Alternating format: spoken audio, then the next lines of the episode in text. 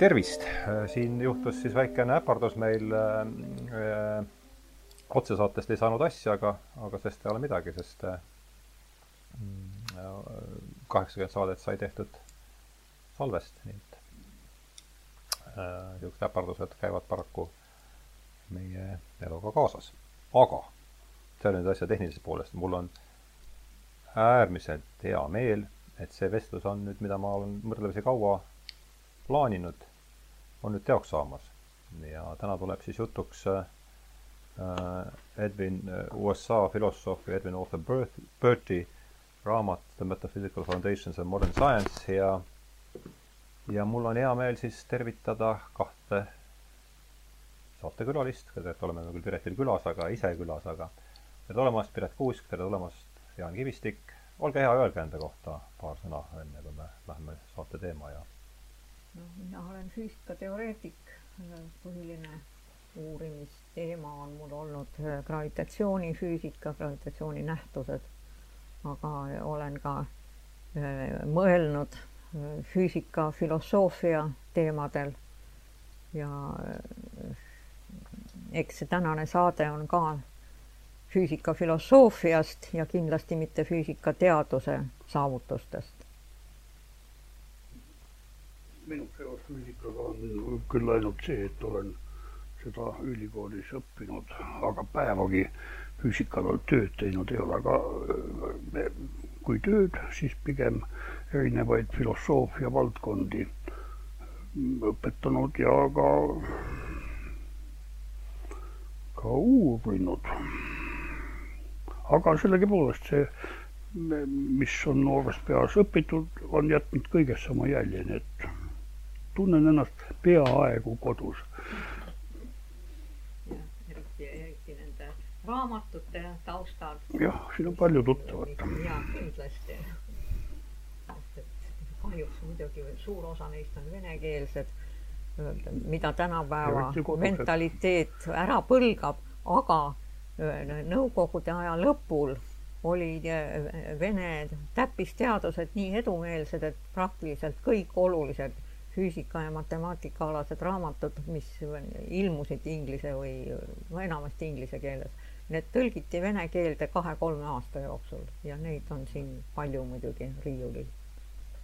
nojah, see oli pärast sõda oli füüsika nii oluline selles mõttes, et see oh, pomminduse, pomminduse värkiga ei saanud ju muidu ja ainult partei põhikirjaga ei, seal ei püsinud nagu pomm koos ei püsinud pomm koos jah, mitte et selliseid katseid poleks tehtud, ma kujutan ette. nii, aga siis ähm, enne kui ma lähen erinevalt äh, paljudest raamatutest, mida ma olen selles sarjas käsitlenud äh, külalistega, mida me ei ole jõudnud läbi lugeda selle raamatu olen läbi lugenud korra põhjalikult ja nüüd olen teda ka võrdlemisi põhjalikult algust vähemasti konspekteerinud. et aga, aga tema ava- ah,, tutvustusring on tehtud.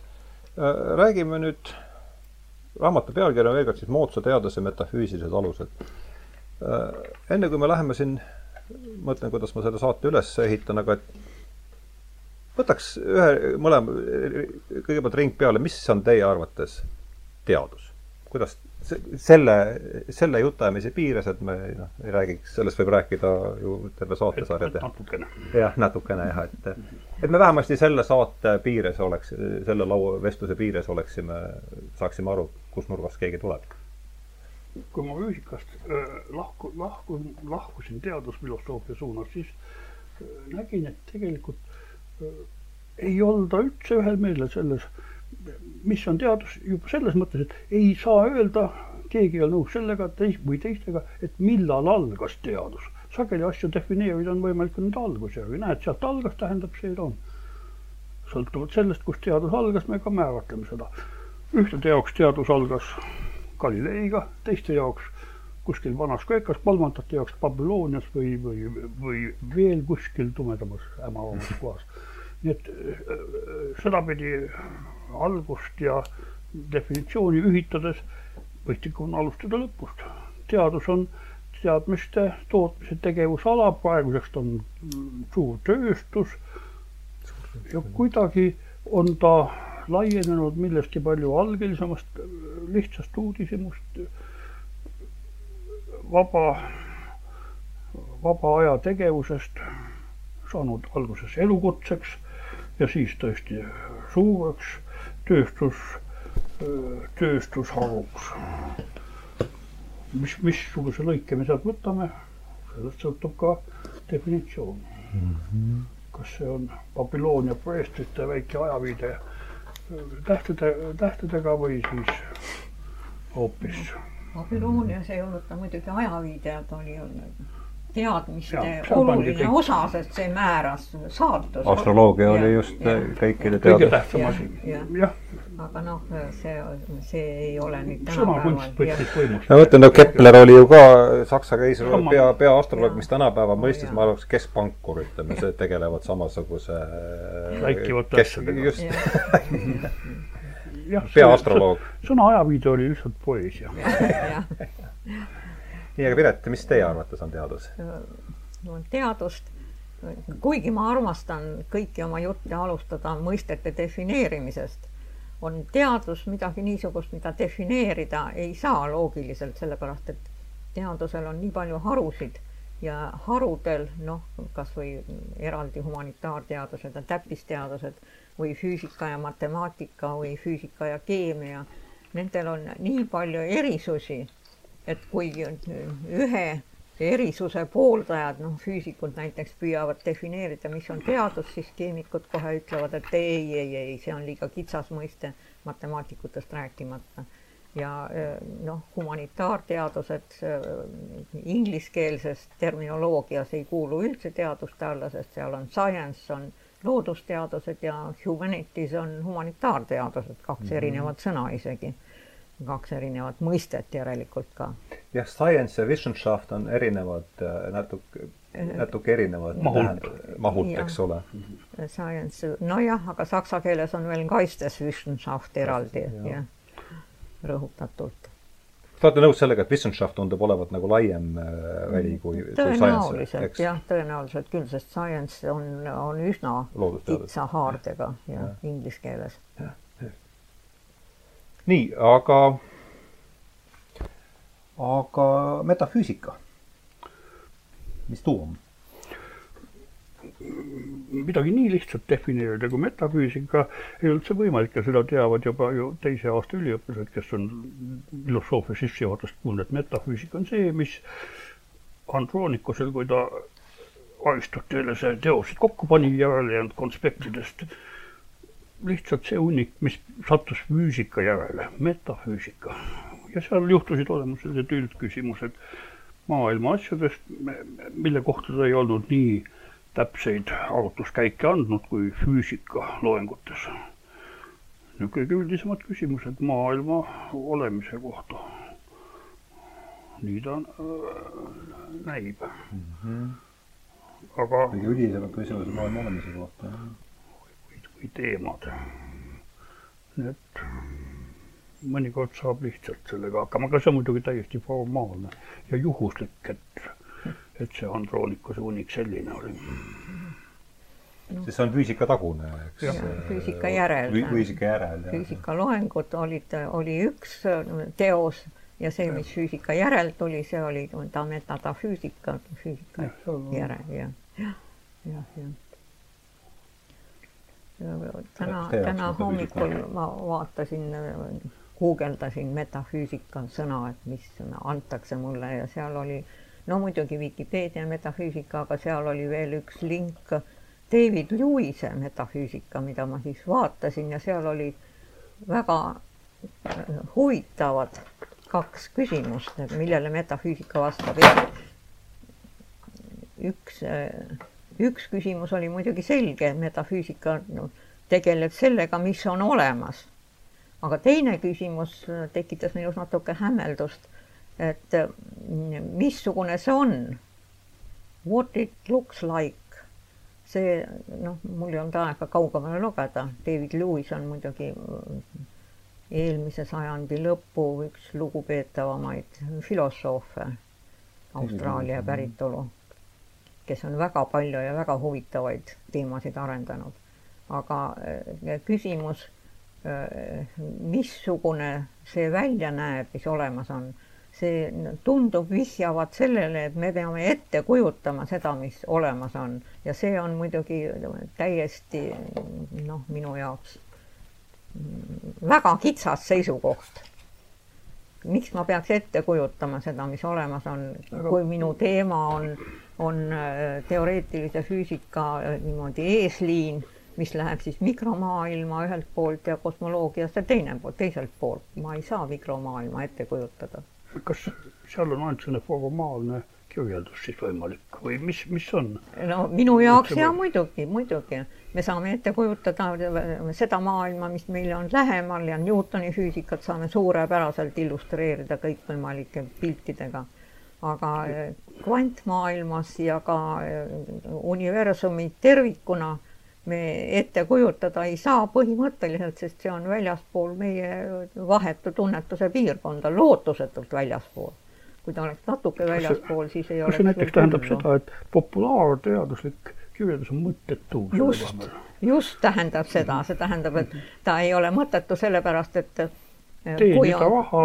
kui, ei, kui on, ei no mitte ainult raha teenida, vaid kirjandus üleüldse on ajaviitekirjandus ja, ja krimkad ja mm -hmm. need on ju igati auväärne mm -hmm. nii-öelda mm -hmm. raamatute liik ja populaarteaduslik mm -hmm. kirjandus on samasugune, seal on äh, allikaks ei ole mitte mingisugused mõrvamüsteeriumid nagu Agatha Christil, vaid on, on, on püütud siis äh, ette kujutada, missugune on kvantmaailm või missugune on multiversum. Mm. -hmm. aga need, ta ei ole loba, no ma ju räägin, Agatha Christie ei ole ka loba, vaid vastupidi. ega ma ei taha ju tüli noida, aga mulle ja, tundub, tundub, et siiski iga ka formaalne rääkimata üldse lihtsalt diskursiivsest esitlusest, ta sisaldab ikkagi selle subjekti jaoks, kes sellega tegeleb, ikkagi mingisuguseid kujutlusi. ta ei tarvitse neid välja lobiseda, ta ei tarvitse populaarteadust hakata kohe tegema ja selle pealt siis tiraaži eest raha võtma, aga ilma nendeta võib-olla ta ei saa riski, sest ega ta ju masin pole. jaa, aga need äh, subjektiivsed kujutlused äh, on, jäävad subjekti sisse, nad ja ei just, muutu just, intersubjektiivseks aga populaarteadus, populaarteadus ja. levitab neid kujutlusi väga hea, et Just. levitab, mul ei ole selle vastu mitte midagi. aga mul on äh,, probleem ja. tekib siis, kui mm -hmm. nii-öelda laiadest rahvahulkadest. Keegi tuleb mm. ja loeb neid populaarteaduslikke kirjeldusi ja vaatab, et oi näe, siin on mm. arutluses on loogiline lünk. Mm. ma täidan selle lünga ära ja ütlen kuidas asjad tegelikult on. ja sealt tulevad mm -hmm. need, need pseudoteadlased, kes kvantmehaanikat ümber lükkavad, parandavad ja üldrelatiivsusteooriat ümber lükkavad, vot see no, on noh, populaarteaduse niisugune minu jaoks väga negatiivne õige. tulemus. see ei ole midagi, aga ma, mulle näib, et ei ole selle vastu, et, et niimoodi subjektiivselt on ikkagi ka formaalses esituses tegelikult sellel esitajal või vähemalt tema enese mõtetes selline, ta, ta omab isiklikke kujutlusi sellegipoolest, kuigi ta ei räägi neid kellelegi välja võib-olla. tal on tal on äh, mingisugune, noh, see läheb juba Wittgensteini poole, Wittgenstein võitles, võitles selle vastu, et meil on Äh, kaart, peas on kaart või plaan, mida mööda me liigume mm. -hmm. niisugune plaan on äh, tõesti äh, heuristilises niisuguses mõttes on teadlasel olemas mhm. kindlasti ja seda ta kasutab mm, -hmm. aga nagu Wittgenstein ütleb, sellel mhm. ei ole olulist tähtsust. sest et. jah, jah, te nägite läbi, tegelikult ja. ma ma hetkel pigem tegelengi Wittgensteiniga, tõlgin natuke ja. ja olen nähtavasti nihestatud tema poolt ära. mis sa tegid? see on üks Zettel, selline ikka hilisema Wittgensteini selline märkmete ülejääk. jah, jah, jah. no kena, ma siin loen veel, Black, võtsin kaasa ka Blackburni Oxfordi filosoofia leksikoni, tema ütleb siis metafüüsika kohta seda, et algselt nende Aristotelese raamatute pealkiri, mis järgnevad füüsikale. Andronikos oli see, käis just enne läbi, eks kes neid raamatuid seal järjestas. millal, millal ta seda umbes tegi, see oli mingi teine ta oli kuskil teine sajand või isegi esimene, aga enne. enne jah, enne, enne.. sadakond aastat pärast äh, Aristotelest. Ta, ta võis ka esimese sajandi algus olla, kuskil sealkandist oli. no suurusjärk on selline, jah. kuskil sada viiskümmend enne Kristust saadi need käsikirjad kätte ja siis õige varsti pärast seda see mm -hmm. toimetamistöö käis. Põhimõtteliselt olid, jah.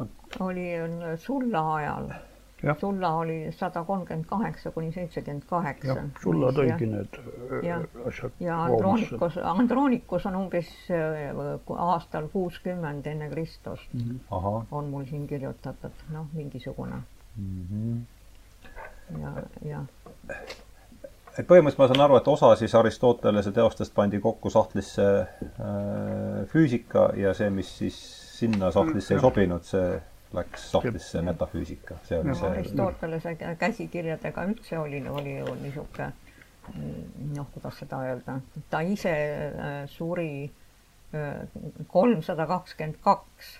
Mhm. Andronikos oli umbes kuuskümmend enne Kristust, nii et seal oli ligi kolmsada aastat vahet.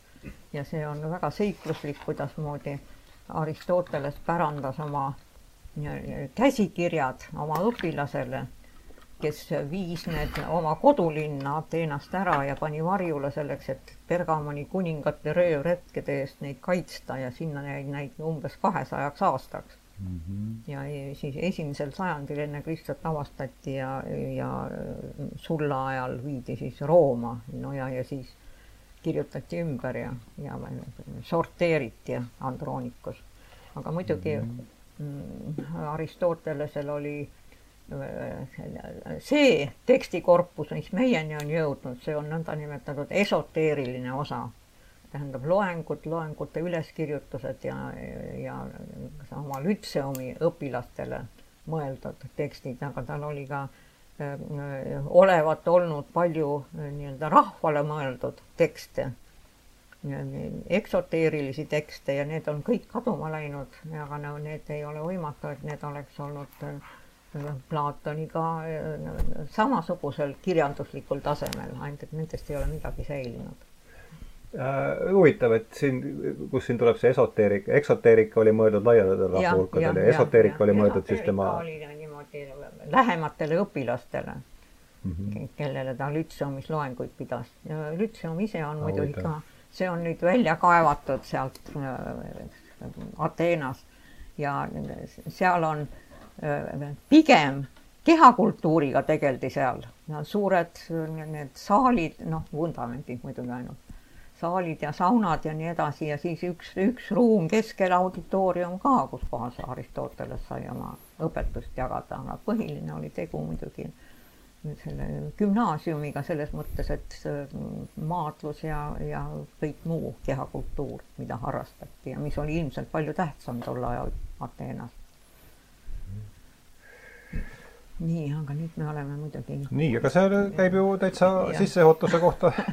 Küll, et lähme siis raamatu enda kallale. et ma loen siit, tõlkisin seesama tekst, mis ma panin ka välja sinna Youtube'i eile, et äh, loen siit ette. Eessõna esimese lõigu, mis annab ka enam ja siis ma olen teda nüüd konspekti-, saatsin teile ka, et, et asi, jõudsin korralikult läbi konspekteerida esimese peatüki, kus ta visandab mm -hmm. probleemistikku. Ja ma arvan, et et äh, käime lihtsalt neid märksõnu siis läbi, nii palju, kui meil aega on siin paar tundi. siis on vähemasti mingigi kava. hoia valvima ära. minu pärast ei ole vaja kiirustada nii, aga siis eessõna avalaigus ütleb autor Edwin Arthur Bird. teemade ringi, millega see raamat tegeleb, tutvustan ma piisava põhjalikkusega esimeses peatükis, mida me siis hakkamegi kohe käsitlema. olgu siinkohal vaid lisatud, et ma pöörasin oma tähelepanu nendele põhjapaneva tähtsusega probleemidele pärast seda, kui ma olin võtnud endale vastutuse lugeda Columbia ülikoolis edasijõudnutele kursust Briti filosoofia ajaloost. kui ma olin mõnda aega klassikaliste inglise mõtlejatega intensiivselt tegelenud, jõudsin ma järeldusele, et keegi ei saa nende alusmotiividest aru enne, kui ta on igakülgselt tundma õppinud selle inglise mõtleja filosoofiat, kelle mõjuvõimu uusajale võib võrrelda üksnes Aristotelese mõjuga hiliskeskajal ma räägin siin Sir Isaac Newtonist. nii et esimene väide, millele siis võtaks, teekski ringi, on see, et Newtoni mõju uusajale on võrreldav üksnes Aristotelese mõjuga hiliskeskajale. alustame Piretist peale ka, oled sa nõus? jah, kindlasti selles mõttes, et Aristotelese mõju oli siis kuskil neljas sajand enne meie, enne, enne meie ajaarvamist kuni kuueteistkümnenda sajandini. nii et äh, peaaegu kaks tuhat aastat oli Aristoteles see, kelle füüsikaloenguid äh, loeti ja äh, kasutati nii palju, kui kasutamist vaja oli üldse aga need füüsikaloengud käsitlesid niisuguseid teemasid, mis tol ajal, selle tuhande viiesaja või kahe tuhande aasta jooksul ei olnud mõtlemise keskpunktis, need olid aeg, ruum, liikumine. ja sellega, see ei olnud oluline selles, selles mõtteringi, mõtete ringis, millega need kaks tuhat aastat tegeldi, eriti viimased tuhat viissada aastat, siis oli, oluline oli, kuidasmoodi maailm suhestub Jumalaga ja Jumalal ei olnud ajast ja ruumist ja liikumisest äh, suurt midagi, mingit huvi ja siis ei olnud ka inimestel suurt huvi selle vastu. nii et see oli üks põhjus, miks Aristotelese füüsika nii kaua oli päevakorras. nüüd, mis puutub Newtonisse, siis, siis tema teemad on täpselt needsamad, millega, mis Aristotelese füüsikas on aeg, ruum ja liikumine mm. -hmm aga eh, need olid olulised sellepärast, et eh, neid hakati eh, katseliselt ja vaatluslikult kasutama. ja noh, liikumine, liikumine on kõige selgem muidugi, hakkasid tulema vedurid, raudtee tuli mõnisada aastat pärast Newtonit ja kahurikuulid, mille liikumist sõjamehed väga tahtsid ette arvutada.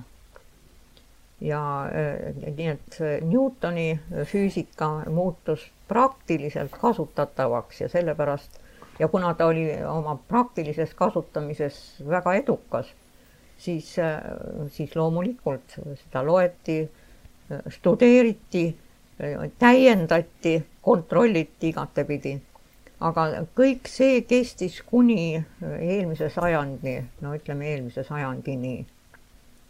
ja pärast seda on füüsika nii palju muutunud, et öelda, et tänapäeva füüsika on endist viisi põhineb Newtonil, see on muidugi noh, kuidas seda öelda, anakronism. nojah, see on kahekümne neljanda aasta raamat, me peame meelde tuletama. just kvantrevolutsiooni. jah, et relatiivsusteooria ja kvantteooria olid, olid alles nii uued, et neid ei jõutud veel läbi seedida, nagu öeldakse.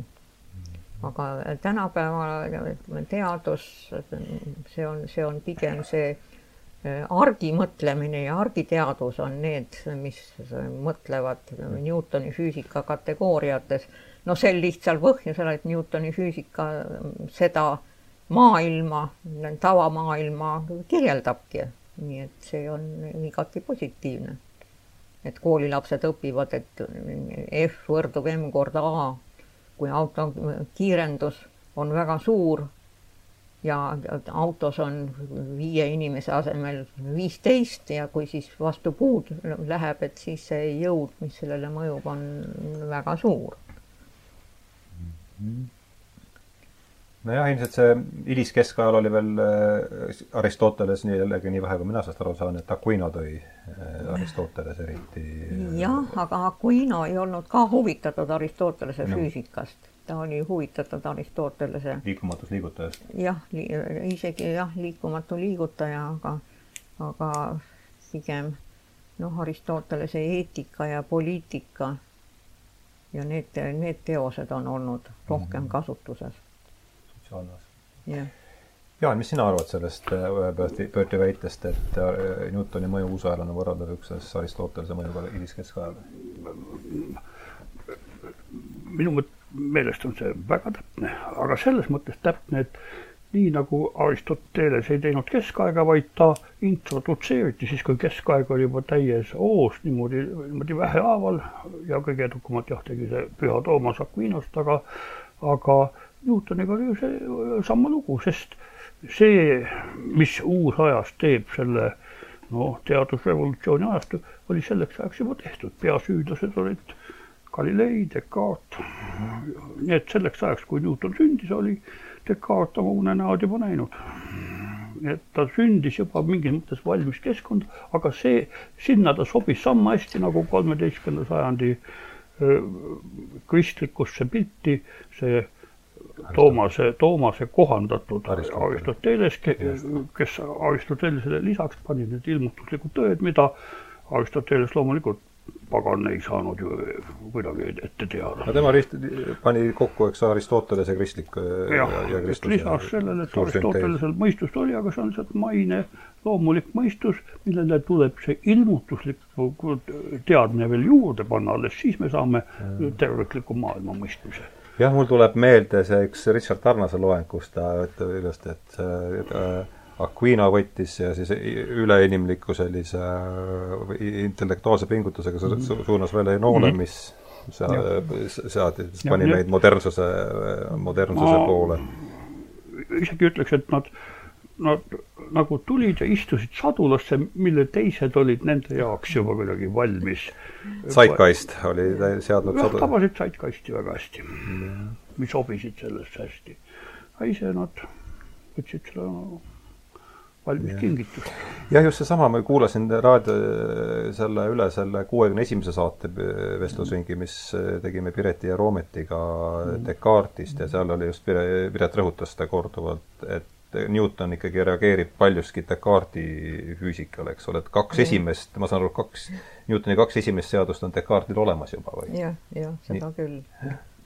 aga noh, Descartes oli ratsionalist, tema arvas, et mõistusega saab kõik, saab kõigest aru mm. -hmm. ja äh, tema füüsika põhiline viga oli selles, et tal oli Newtoni esimene ja teine seadus, tähendab inertsiseadus ja ja liiku-, esimene liikumisseadus olid peaaegu olemas, aga ta tahtis noh, nii-öelda piljardikuulide põrkeid arutada, aga seal osutus, et tema need seadused enam ei tööta, kuigi ta pani väga-väga põhjalikult neid kirjeldas, aga ei vaevunud vaatama kas nad tegelikult ka, need kulkesed niimoodi liiguvad ja põrkavad, nagu tema valemid ütlevad. sest ta oli ratsionalist, jah? ta oli ratsionalist, ta arvas, et ta, ta teab niigi, tal ei ole vaja vaadata. pomm, pomm püsib ikkagi partei põhikirjaga koos. no just, just. jah. Aga eh, Newton eh, tahtis vaadata ka ja kontrollida ja, ja ta oli väga osav eksperimentaator omas ajastus mm. -hmm. ja, ja seetõttu tema seadused on, olid, olid hästi paigas ja kontrollitud. aga muidugi selle idee, et matemaatika on teaduse oluline keel, selle ta võttis Galileilt, kes seda otse nii ütleski, et loodus Newton on kirjutatud jah, matemaatika keeles. aga Newton viis selle veel äärmusesse, sest tema suur idee oma selle printsiipi ja matemaatika kirjutamisel oli teha mehaanika, see tähendab teadus liikumisest ja objektide liikumisest, formuleerida niisama rangelt nagu Eukleides mm. formuleeris geomeetria mm. -hmm. ja nii ta selle kirja panigi. ja, ja see oli see ideaal, eks? see oli see ideaal ja, ja sellepärast tema, tema põhiline raamat, tema Äh, algab mõistete defineerimisega ja siis äh, need kolm tuntud liikumisseadust, neid nimetab ta aktsioomideks mm -hmm. ja siis nendest aktsioomidest siis tuletab palju asju. täpselt nagu täiesti Eukleides. kas sa paneks Eukleidese eluaastat kirja, minul ei ole neid enam-vähem, kes oskab aidata siin praegu? kuskil, kuskil tõenäoliselt. ta oli Platonist natukene noorem vist sel ajal oli küll mitu Eukleidest, aga see geomeetria, ma usun, et see on. Aristotelusega üks siis. me saame täpsemalt kohe sealt kätte. jah, ma ei julge öelda. Eukleides on äh, Aristotelesest kakskümmend aastat noorem kui Aha. kaasaegne, ta on kolmsada kuuskümmend viis kuni kolmsada. kakskümmend aastat noorem, see, see jääb paremini meelde on. kolmsada kuuskümmend viis kuni kolmsada, aga äh, see on siis, siis kui selles oma, oma füüsikaloengute osas, mis räägib siis koht, tühjus ja aeg mm. -hmm. ja seal siis ta noh, mingis no, mõttes vääriks täitsa eraldi saadet, ma kujutan ette, tulenevalt oma olulisusest, ma kujutan ette. kelle Eukleidese? Eukleides, jah. no jaa, see on juba matemaatika ja siis, siis tuleb keegi matemaatikutest kutsuda. miks mitte, väga huvitav oleks aga lähme seda, ma, nagu ma ütlesin, et struktureerime selle saate siis niimoodi, et ma käin oma konspekti siin, vaata, või täpselt nii kaua, kui meil aega jääb. et teine, mis ma olen siit niimoodi välja kirjutanud ja me ei jõua seda siin kontekst, konteksti vastu, aga väga kontrollida, aga et kaasaegse metafüüsika lähtekohaks mis tähendab juba seda, et kaasaegne metafüüsika on ikkagi olemas.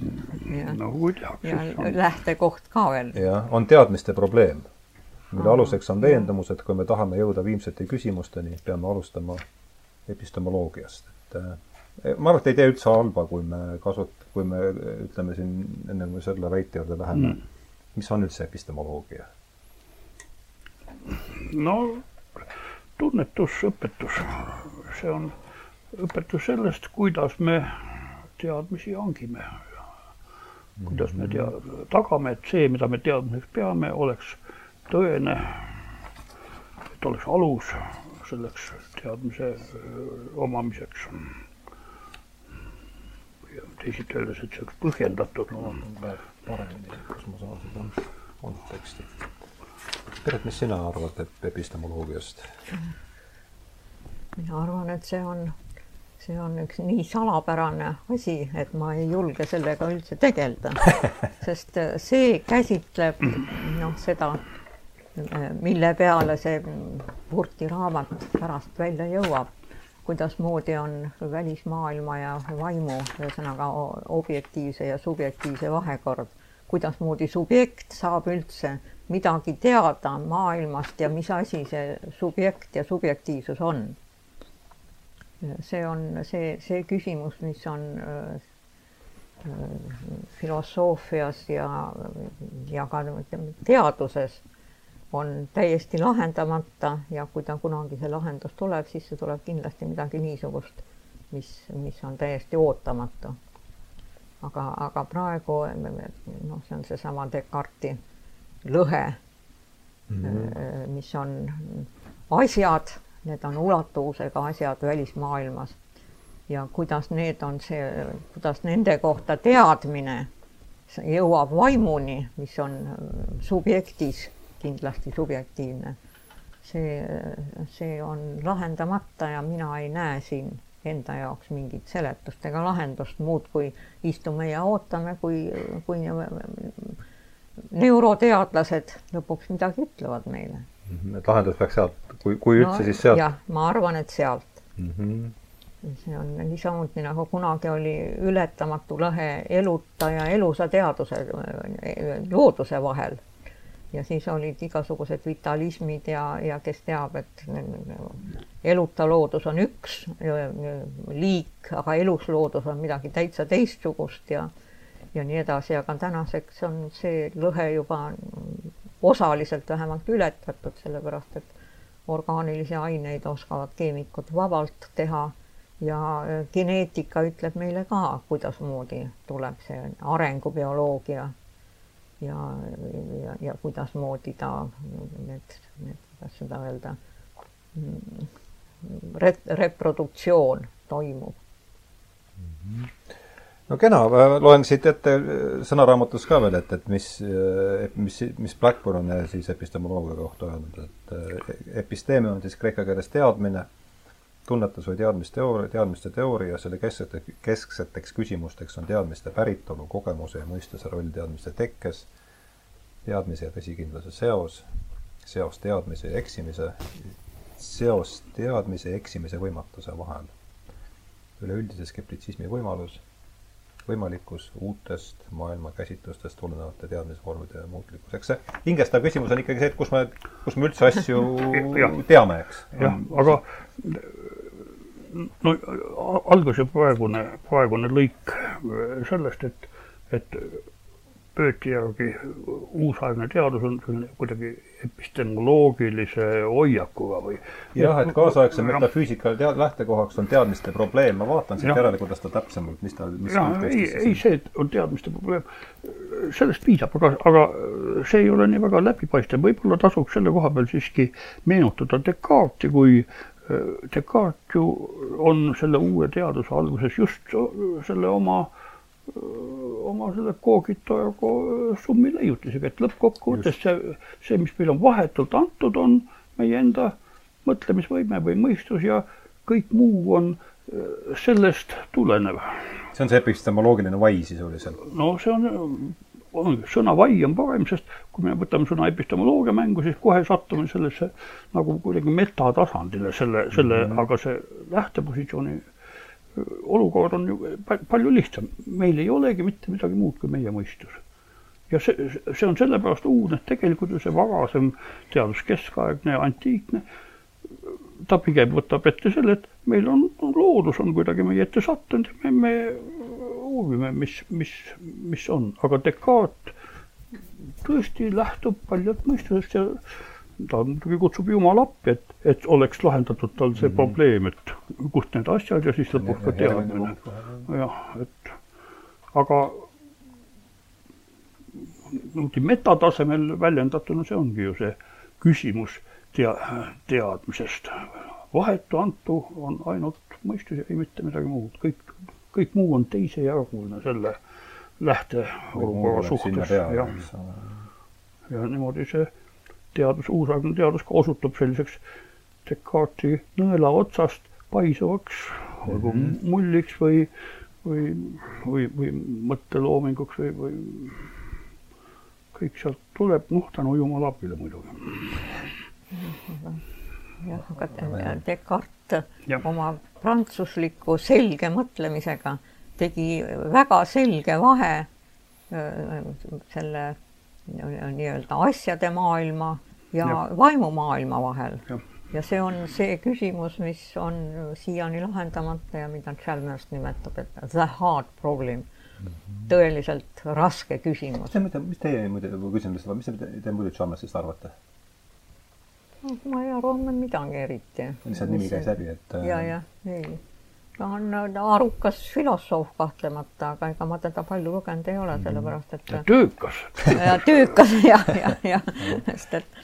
tänu sellele me teda teame ilmselt. vaimufilosoofia ei ole minu eriala, kuna vaim on minu jaoks liiga salapärane ja nagu ma ütlesin, et ma ei saa aru, mis tähendab, mis asi on teadmine, mis asi on vaim ja kuidas vaim saab teadmisi, kuigi ma tunnen, tunnistan muidugi, et teadmised on olemas mul ja subjektiivne arvamus ja subjektiivne vaade on mul ka olemas, aga ma ei oska kuidagi midagi ratsionaalselt selle kohta öelda mm. -hmm. aga et see mm -hmm ja see oli huvitav, mis, et, et nüüdisaegne teadus on Descartesi nõela otsas paisuv, paisuv mull, et kas, kuidas selle kujundiga? ei noh, selles mõttes ta on, et Descartes äh, kirjeldas maailma väga selgesti mm. -hmm. ja kuna, nagu ma ütlesin, ta oli prantslaste moodi selge mõtlemisega ja jagas maailma asjade maailmaks ja vaimumaailmaks, kummals, kummaski omad seadused. Ja äh, Newton võttis selle äh, Descartesi asjade maailma ja äh, andis sellele kirjelduse. Mm. väga, väga range, matemaatilise ja täpse, aga vaimumaailmaga oma raamatutes vähemalt avalikult Newton ei tegelenud nii et selles mõttes on, on Descartes kindlasti tänapäeva äh, täppisteaduse aluse panija. ütleme siis Descartes lõi kogu selle krempli ikkagi kaheks, res extensa, res cognita ja, ja, ja Newton tegeleb ja. meil ainult siis ainult selle, jah, jah. Ja, ja tegeleb väga edukalt. tegeleb väga edukalt. sest huvitav, et see rongiliiklus tuli sisse, et jällegi nii vähe, kui mina seal, ma saan relati-, relatiivsusteooria üheks tõukejõuks oli seesama rongiliiklus mingil määral, eks ole. no see on need kujutluspildid, aga aga relatiivsus, erirelatiivsusteooria no,. kuidas see üldse seesama, samaaegsuse probleem? on võimalik, on võimalik seletada, sellepärast et see on tavatunnetuse piires on selles mõttes, et, et kui rong sõidab ja, ja kuidasmoodi neid, neid ajahetki seal määrata, seda on võimalik ette kujutada ja ettekujutused lähevad nii-öelda vastu taevast alles siis, kui rong liigub valguse kiirusega, aga, aga niisugust rongi jälle niikuinii keegi ei üritagi ette kujutada. on keeruline siin ja. Tartus pidama saada, kui ta hakkab tulema. jah, jah no selge, aga lähme siis, siin on äh, päris ilus äh, kokkukujund saime sellest äh, nõela otsast, et lähme edasi järgmise päevakorrapunktiga. nõus? jah, jah. keskaegses maailmas oletati, et universum on inimese mõistusele ligipääsetav. seda peeti enesestmõistetavaks. mis, kes tahab alustada, haakida selle? lihtsalt veel kord väited, mis ma olen siit Pöörti esimesest peatükist välja noppinud endale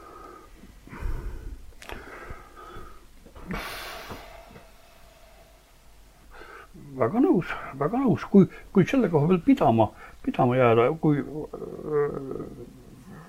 kui mitte edasi lugeda sealt, siis ma saan ei lugeda vaikselt, hakkame edasi, väida, väida, väida, hooval. kui see Pöötsi mõttekäik sealt edasi läheb, siis ma hakkan kohe vastu no. aga, aga siis, praegu jah. õige, õigust räägib vana, õigust, Edwin räägib õigust. Priit? jah, muidugi ka keskaja mõttega ma väga hästi kursis ei ole, ma ei ole proovinud sinna sisse elada, sellepärast et lihtsalt ei ole aega. keegi meist pole, nii et võib julgelt, julgelt. aga ma kujutan ette nende väheste tekstide põhjal, mida ma olen lugenud või vaadanud, et tõesti Jumal oli see, mis maailma või kes maailma valitses ja kõik toimus tema plaani või soovi või, või tahte järgi ja maailm oli ja Jumal oli seotud inimesega, sest Jumal ütles inimesele, mis toimub mm. -hmm. Mida see võiks ikkagi nüüd, jällegi ma ei ole ise kindel, et ma sellest lausest nüüd lõpuni aru saan, et no see on ikkagi põhiprobleem selles, eks ma kujutan ette, epistemoloogiline probleem, et kas selle vahel mm, -hmm. mida mina arvan teadvat ja selle vahel, mis õues on, on üldse mingi side, et kus ma tean, see on ikka see natuke see Descartesi kurja teemani probleem, kas mitte? no saab selle ka sinna sisse lugeda muidugi, aga, aga tundub, et praegu see tööd selle koha peal, selle keskaja kohta, ta ikkagi osutab millelegi taolisele nagu no näiteks Toomas Aquino Toomas seletab, et, et maailm, jumal on pannud maailma käima loomulikke seadusi mööda, inimesel on mõistus peas, ta saab aru, mismoodi need loomulikud seadused toimivad ja ta käitub vastavalt. Ja kui, kui ta ei saa aru, siis need loomulikud seadused peksavad teda. kui ta ei saa aru, et tuleb täisid tappa sel neljapäeval just seal siis ta täid ei sure, sure, suregi. jäävadki täid majja, kui ta seda õigel ajal ei tee. tuleb teada loomulikke seadusi ja selle jaoks ongi inimesel mõistus. see on nagu selline inimese ja maailma loomulik kooskõla. Nad usaldavad teineteist või isegi võiks öelda, et nad on seotud selle, nende loomulike seaduste läbi. inimese, inimese mõistus paneb teda sellesse jumala seaduste järgi käivasse maailma just nagu, nagu nad on nagu siiani kaksik, inimene ja maailm sellises mm -hmm. kohas. mõistus on tegelikult inimesele ahelaks mm. -hmm. võib, võib öelda. anna palun sellele mm, väitele natuke värvi juurde no,, mõistes no,, kujund on hea, aga et ma ei ole kindel, et ma kohe, kohe. asi on selles, et sealtsamast ju tööd jätkab, et, et maailm ja maailm on noh, täidetud, mõtestatud, jumal on seal ta inimese ja maailma kokku kooskõlla pannud mm, -hmm. aga et inimene on selles maailmas kõige kõrgem. inimene on keegi, kelle jaoks kõik see on seal tehtud, inimene on just nagu jah, see on keskaegse maailma põhiline, eks ole, põhipostulat. see on juba asi, millega ei ole nii lihtne äh, nõustuda, sest selles eriti peale Darwinit, ma kujutan ette. jah, sest see pilt, mida ma nüüd räägin, kuidas inimene oma mõistuse poolt ja loodus oma loomulike seaduste poolt on niimoodi vastastikuses seoses, seoses, see on pigem selline, nagu Aquino Toomas seda äh, pakub meile ja see tundub olevat valdav ja see ühtlasi ka seletab, mispärast keskajal ikkagi äh, tehnika ja tehnoloogia üsna paigal on, et alles selle uue teaduse tekkimisega hakkas õieti, õieti arenema. aga see Bööti seisukoht, see ei sarnane üldse selle katoliiklikule loomulike seaduste vaatele, vaid ta pigem sarnaneb tõsi, tõsise baptisti vaatele mm, -hmm. baptistlik usukäsitlus on hoopis teistsugune. lase tulla, see on huvitav nurk, et mis saab, anna mulle siin ka palun natukene värvi juurde. no ma nuuskisin Pööti tausta mm, -hmm. leidsin üles nekroloogi, kus meenutati, et ta on korralike baptistide no, järeltulija, kuidas tema, ta oma isasse suhtus põlgusega, sest see oli täitsa mm -hmm. usul, jättis palgatöö maha ja läks ilma palgata Hiinasse tema missionäriks. ta ütles, et ta isa siis jah? isa jah. seda ma, seda ma kujutan. ema oli ka baptist, aga ema oli hea. ema lihtsalt õpetas, et õnnelik elu on see, mis on usuga täidetud mm. -hmm. tema ei sundinud pal-, niimoodi niivõrd pühenduma, aga isa, aga isaga koos läksid ka naine ja poeg Hiinasse ja olid seal. õige jah, seda, vot seda ma olen kuulnud, et nad olid Hiinast. aga, aga tagasi tulles ta ikkagi ida mõju on seal ja. Äh, päris oluline. aga tagasi tulles tundub olevat üks läbiv teema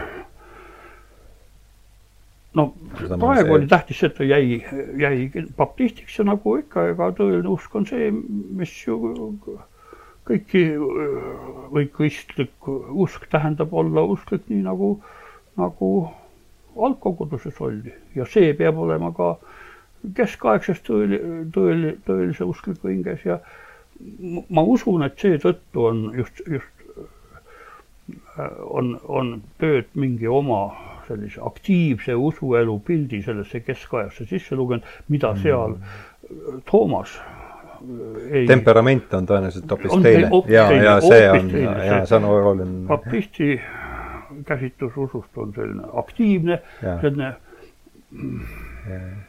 see... manifesteeriv jah, sellest tuleb, selles, ärme sellesse kinni jää, aga sellest piisab ja, äh, praegu, et et, et ma ei saa sellega äh, päri olla, et see, see, et inimene on maailma kese, on just nimelt seal Descartesi-pärasele pildile omane, kus, kus tehakse, peast tuleb, inimese peast tuleb kõik välja. Mm -hmm. noh, hea küll, jumala abiga või jumal tuleb, jumal tuleb ka mingis mõttes inimese peast välja Descartesi pildis.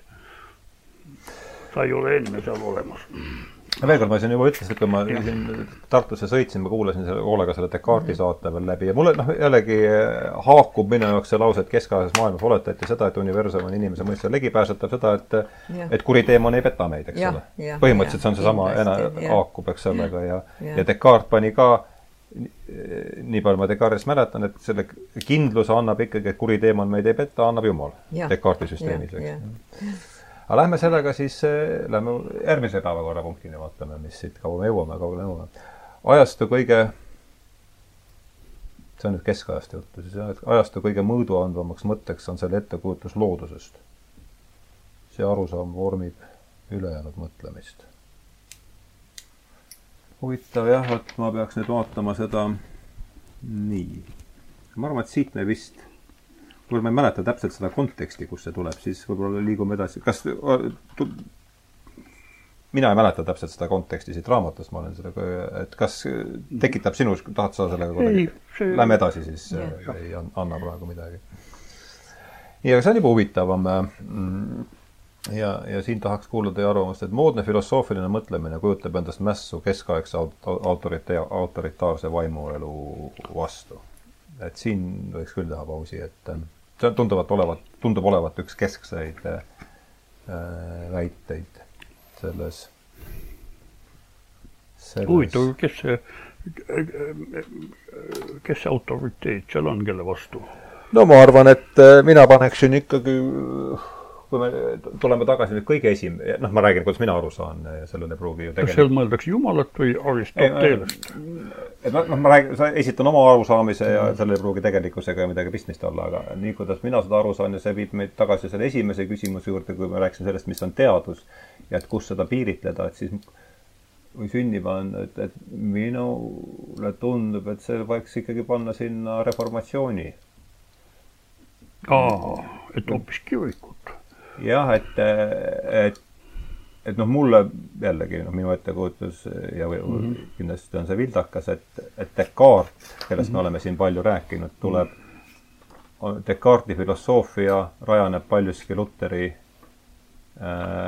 teoloogial, kas see? no otseselt nii ei saa öelda, Descartes ju ikkagi jäi lõpuni katoliiklaseks aga.... no jaa, muidugi jah, aga, aga, aga jällegi, kui me räägime aga selle subjekt, subjektiivsuse rõhut-, jälle aja, ajavaimu mõttes. loomulikult on konfessioonidest täiesti eri. kes on Luteri jaoks autoriteedid. ta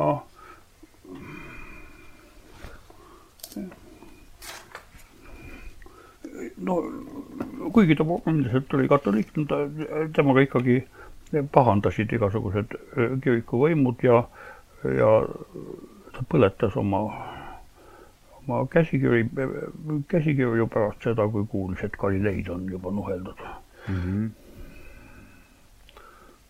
tal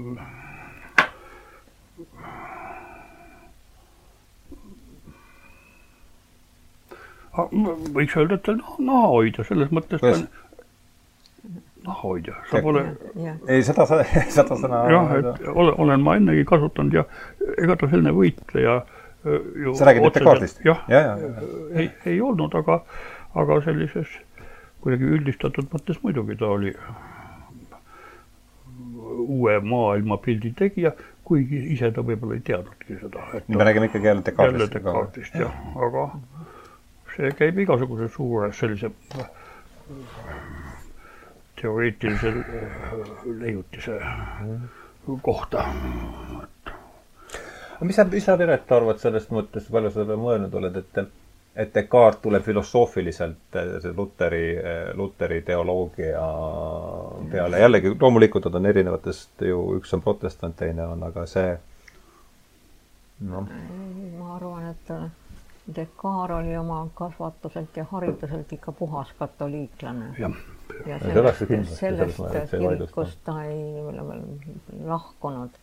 Ja sel ajal, kui ta elas, ei olnud, ah soo, siis oli juba, Luter oli juba no, sada, tähendab tema teesid olid juba sada aastat vanad küll. just, ja ususõda oli ju just käima läinud, kui ta mulle nagu näeb. aga Descartes pigem, pigem põgenes sõdade ja, ja nende igasuguste tülide eest. sest jah, ta ei olnud niisugune agressiivne võitleja. Läks oma tuppa tuppa, nägi unenägusid, mõtles ja kirjutas. unenägu räägid, ega siis, siis ta oli armeega liitunud, siis ta oli palgasõdur no, alguses? oli küll, aga see, ta ei olnud agressiivne sõdur. see, see, ma isegi ei mäleta, miks ta sinna, mis motivatsiooniga ta üldse sinna läks ma, ma, ma, kas ma tohin arvata, see on nagu Šveigil on see, et sõda on tore asi, et saab proonukulul sõita, näeb huvitavaid inimesi. see võis olla Deka Descartesi puhul. aga, aga peale selle tal oli nõrk tervis ju. tal oli ja väga see, nõrk tervis, nii et äh, sellepärast ta seal sõjaväes ei saanudki muud teha, kui ainult haige olla ja unenägusid nägi ta ka siis, kui ta haige oli mm.. ja, ja, ja palavikus jah, aga ma kuidagi ja kui ma hakkan jällegi nüüd seda Descartesi saadet olle, olles nüüd värskelt kuulanud äh,, et see on kaks asja, matema-, kolm sammast oli seal, kaks on, skepsis on kindlasti ja, üks, eks. matemaatika. ja mis oli, mis võis olla kolmas, mul ei tule praegu, läheb jälle meelest ära see pole praegu oluline, et ega see skepsis tuleb ikkagi, see on ju ka see, jällegi, kuidas mina asjast aru saan, et Descartes tegutseb eh, terava epistemoloogilise kriisi olukorras, eks need vanad tõed, mida noh, mis on, kirik on tolleks ajaks vot tuhat viissada aastat vana, kogu, kogu ehitis äh, laguneb et, et mis teil, mis see, noh, jällegi ei oska. No täpset küsimust sõnastada, aga just see ikka, ikka ju üritan ühesõnaga edasi töödelda natuke seda Luteri ja Descartesi Need, need, kellega tal kõige suuremad tülid olid teoloogia alal, need olid tegelikult Hollandi protestandid, ilmselt siis sa räägid ikka Descartesist praegu? ikka Descartesist, kalvinistliku äh, taustaga. Utrechtis vist kõige rohkem, aga, aga, aga mujal, mujal ka, ta ju elas, Hollandis on peaaegu igas linnas silt, et siin elas Descartes, mõnes linnas mitu. Aga, aga samas ta oma võib-olla kõige esinduslikuma mm, töö, selle, need metafüüsilised meditatsioonid, ta, ta ju esialgu kirjutaski just, esimest tüki pealkirigi oli, et meditatsioonid, kus muuhulgas tõestatakse hinge surematust, teoloogiline intentsioon oli mm. intentsioon, aga, aga siis äh, see kirik protestis andis tungivat nõu ja siis see, see viga sai parandatud. kus lihtsalt äh, uues pealkirjas siis oli, et lihtsalt, kus tõestatakse hinge ja keha või, või vaimu ja keha. no ma ei tea, mis no selles, siis vaimu ja keha erinevus. pigem vaimu ja keha. nii et, et ta hea meelega oleks ikkagi olnud äh, katoliik, katoliku usuga kooskõlas ja, ja küllap need kalvinistid seal Hollandis ka seda aimasid, et ta on ikkagi võõra keha, mitte mingil juhul protestant ja, ja võib-olla see oli üks selle tülide, Hollandi tülide äh, taust, et, et otseses mõttes, äh, mõttes on raske tõestada, et Descartes oli kuidagi protestantlik tegelane. ei, seda ma absoluutselt ei üritagi. aga ta oli mingi niisugune zeitgeisti mõttes. Zeitgeist, ma räägin, et zeitgeisti mõttest ja nagu, see oleks absurdne ju nagu, väita, ta nagu, oli ju korralik katoliiklane, nagu me kõik jah. vist oleme vist ühel meelel. vist olete ka teie nõus, jah. kes seda. midagi lisada siia selle kohta? Descartesi puhul no, tuleb mängu ikkagi see, et tal oli nõrk tervis, ta oli alatasa haige ja sellepärast ta ei, äh, selle, tema ainuke äh, relv oli äh, kahtlus, sellepärast et ta ju ei saanud kellelegi kallale minna oma vaimuga, kuna ta no ühesõnaga kehaliselt oli nõrk ja haige kogu aeg. ja siis kahtlus oli see, mis, millele ta lootis ja mis tegigi ta tugevaks mm. -hmm ma kardan, et ma Kuno Fischerilt olen kunagi lugenud, et Descartesil nagu aadlimehele kohane oli ka ikkagi mõõk ja ta on isegi no. kuskil, kuskil kedagi tugevasti haavanud või lausa ära tapnud no, sellega. seda muidugi, sest et ta koolis ta käis ikkagi seal Le Flechi kolledžis ja, ja., ja nii edasi, aga, aga üldiselt ta ei oma jõuga ja osavusega oli tal lootusetu läbi ja. viia kuskil, nii et mm. intellekt oli tema mhm. ainuke relv, mida ta tundis, et ta mm. saab kasutada edukalt mm. -hmm. nojah, miks mulle see, see teema, just rääkisime siin enne ka, et et miks mulle see Luteri ja, ja Descartesi seos huvi pakub, et et see, see tehnoloogiline muutus seal all äh, Gutenbergi leiutis siis viieteistkümnenda sajandi lõpus, eks mm. -hmm. ja, ja ja ma ei tea, kas te selle, kas te selle, selle väitega olete nõus, et Descartes ikkagi kerkib esile sellise tõsise epistemoloogilise kriisi äh, ting, tingimustes? nojah, usuline kriis muidugi oli, kirik äh, oli ja see oli tolleaegne epistemoloogia ka, eks ja, ole. ja kirik oli lagunenud ja vaateid oli palju ja ei saanud kõiki ketsereid enam tuleridale saata, sest neid oligi nii palju. just, just, just, just. ja, ja selles mõttes oli kahtlus. puudest oli puudus. jah mm -hmm., kahtluse äh, alus oli, oli ühiskonnas täiesti olemas mm. -hmm. lisaks Gutenbergile ja, ja võib-olla usun sellele küsimusele, ma kuidagi ikkagi väidaks mingisuguse metafüüsilise uuenemise ka, sest tegelikult ju mitte ainult Descartesi, vaid juba, juba Luteri jaoks ei ole autoriteediks mitte selline ratsionalist nagu see Toomas, kes on läbi, läbi kõrgkeskaja äh, peamine autoriteet, aga just see temaga võistlev suund, mis, mis, mis rõhutab mõistuse vastu just tah-, aktiivset tahet.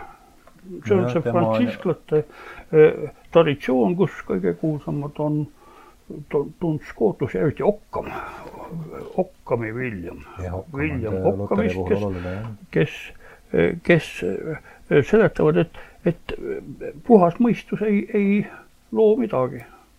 tahe on see aktiivne alge, mis on asjade põhjuseks, aga see teebki, annabki aluse eh, usu selliseks individuaalseks äh, käsitlused. no Luter on ilmselgelt teine temperament kui Toomas, eks, see pole no vot, see, see on varemgi kaldnud filosoofiat psühholoogiliste isearvustega.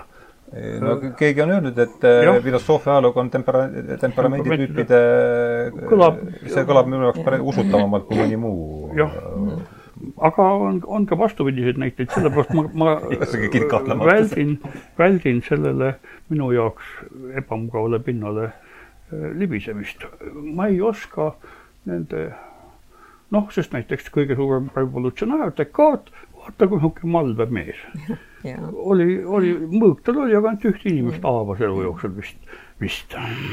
nii et et kuidas me saame kõige suuremat revolutsionääri ja nii, nii õrna iseloomu ja halba tervist kokku ühendada või mõni, mõni selline kõige malbem filosoof, Rousseau, niisugune, niisugune siga inimene tegelikult oli, selliseid õudsaid näiteid on nii palju, et ma, mul keel ei paindu ütlema, et sellega et, siin, siin sa ei pea meid veenma. jah, et tempe-. et ega ei saa ühe jah äh,, et tagantjärele võib, võib, võib öelda, et näe, kuidas inimese iseloom ja, ja see tema õpetus sobisid kokku, aga sellist nagu tüübipõhjast seost on raske leida, ainult eksemplari põhine, et näed, mhm. selle inimese iseloom seletab tema imelikku õpetust. jah, nojah, see tundub olevat ikka nii, et kui ükskõik kus suunas me hakkame minema ja. ja kui me kogu aeg otse läheme, siis me jõuame ikka absurdi välja, kas, kas ei tundu see olevat? tundub, tundub. Ei... ongi, ongi niimoodi ja see on, matemaatika on ainuke aus teadus, kus kasutab, kasutab ad absurdumini minekut, vastuoluni mm minekut tõestusmeetodina, range tõestusmeetodina mm. -hmm. ma otsin nüüd oma tsitaati praegu, et mitte ei lähe, mis oleks siin praegu, või tähendab, Wordi tsitaati, mille ma varem ära tõlkinud, et ma ei, ei mhm. torma mm, -hmm. ei, ei, ei sagista Facebookis siin praegu aga ma tahtsin võtta, aga see, see sisuliselt ütleb seda, minu meelest ta on, seda ütleb ju Gödel mingis mõttes, Gödeli teoreem, kui niimoodi väga populaarteaduslikuks viia ja aru saadakse, et seesama, et kui sa arvutada ühes suunas, siis jõuad absurdi absurdi välja. ei jõua, aga muidugi Gödel kui matemaatik, tema äh, annab väga täpse äh, mänguväljaku piirid, tähendab, tema teoreem kehtib täiesti kindlates süsteemides ja ainult seal mm. -hmm. nii et. Äh, nojah, siit ta on, see on muidugi, võtab selle idee ja teeb tabast mingi sellise metafoori, millega on, no vaatan, kas ma saan, leian selle üles, et ma leian jah et äh, ma ei hakka siit minema, see on üks äh, tsitaat, mis mulle Bertilt meeldis ja, ja ma tahaks, kurat, ma ei tea seda siit praegu, see on siin, oota, oota, kus ma saan ta siis. nii, aga vaatame, et ta minu tempot siin maha ei võtaks, et võtame siis järgmise. oleme siin palju aega kuulnud, pigem ma selle kasutan selle kasuta seda niimoodi sissejuhatuseks järgmisele, et keskaegses maailmapildis oli esikohal inimene, uusaegses on esiplaanil loodus. noh, selle me sisuliselt oleme juba, seda me oleme katnud, eks. no selles mõttes loodus, et, et kui, kui me räägime loodusteadusest ja ja sellest, et lõpuks sealt see vaim ja hing lendavad välja ja, ja Newtoni viisil räägitakse ainult, ainult ruumist, ruumist, ajast ja aatomitest. on vist umbes midagi taolist välja tulnud.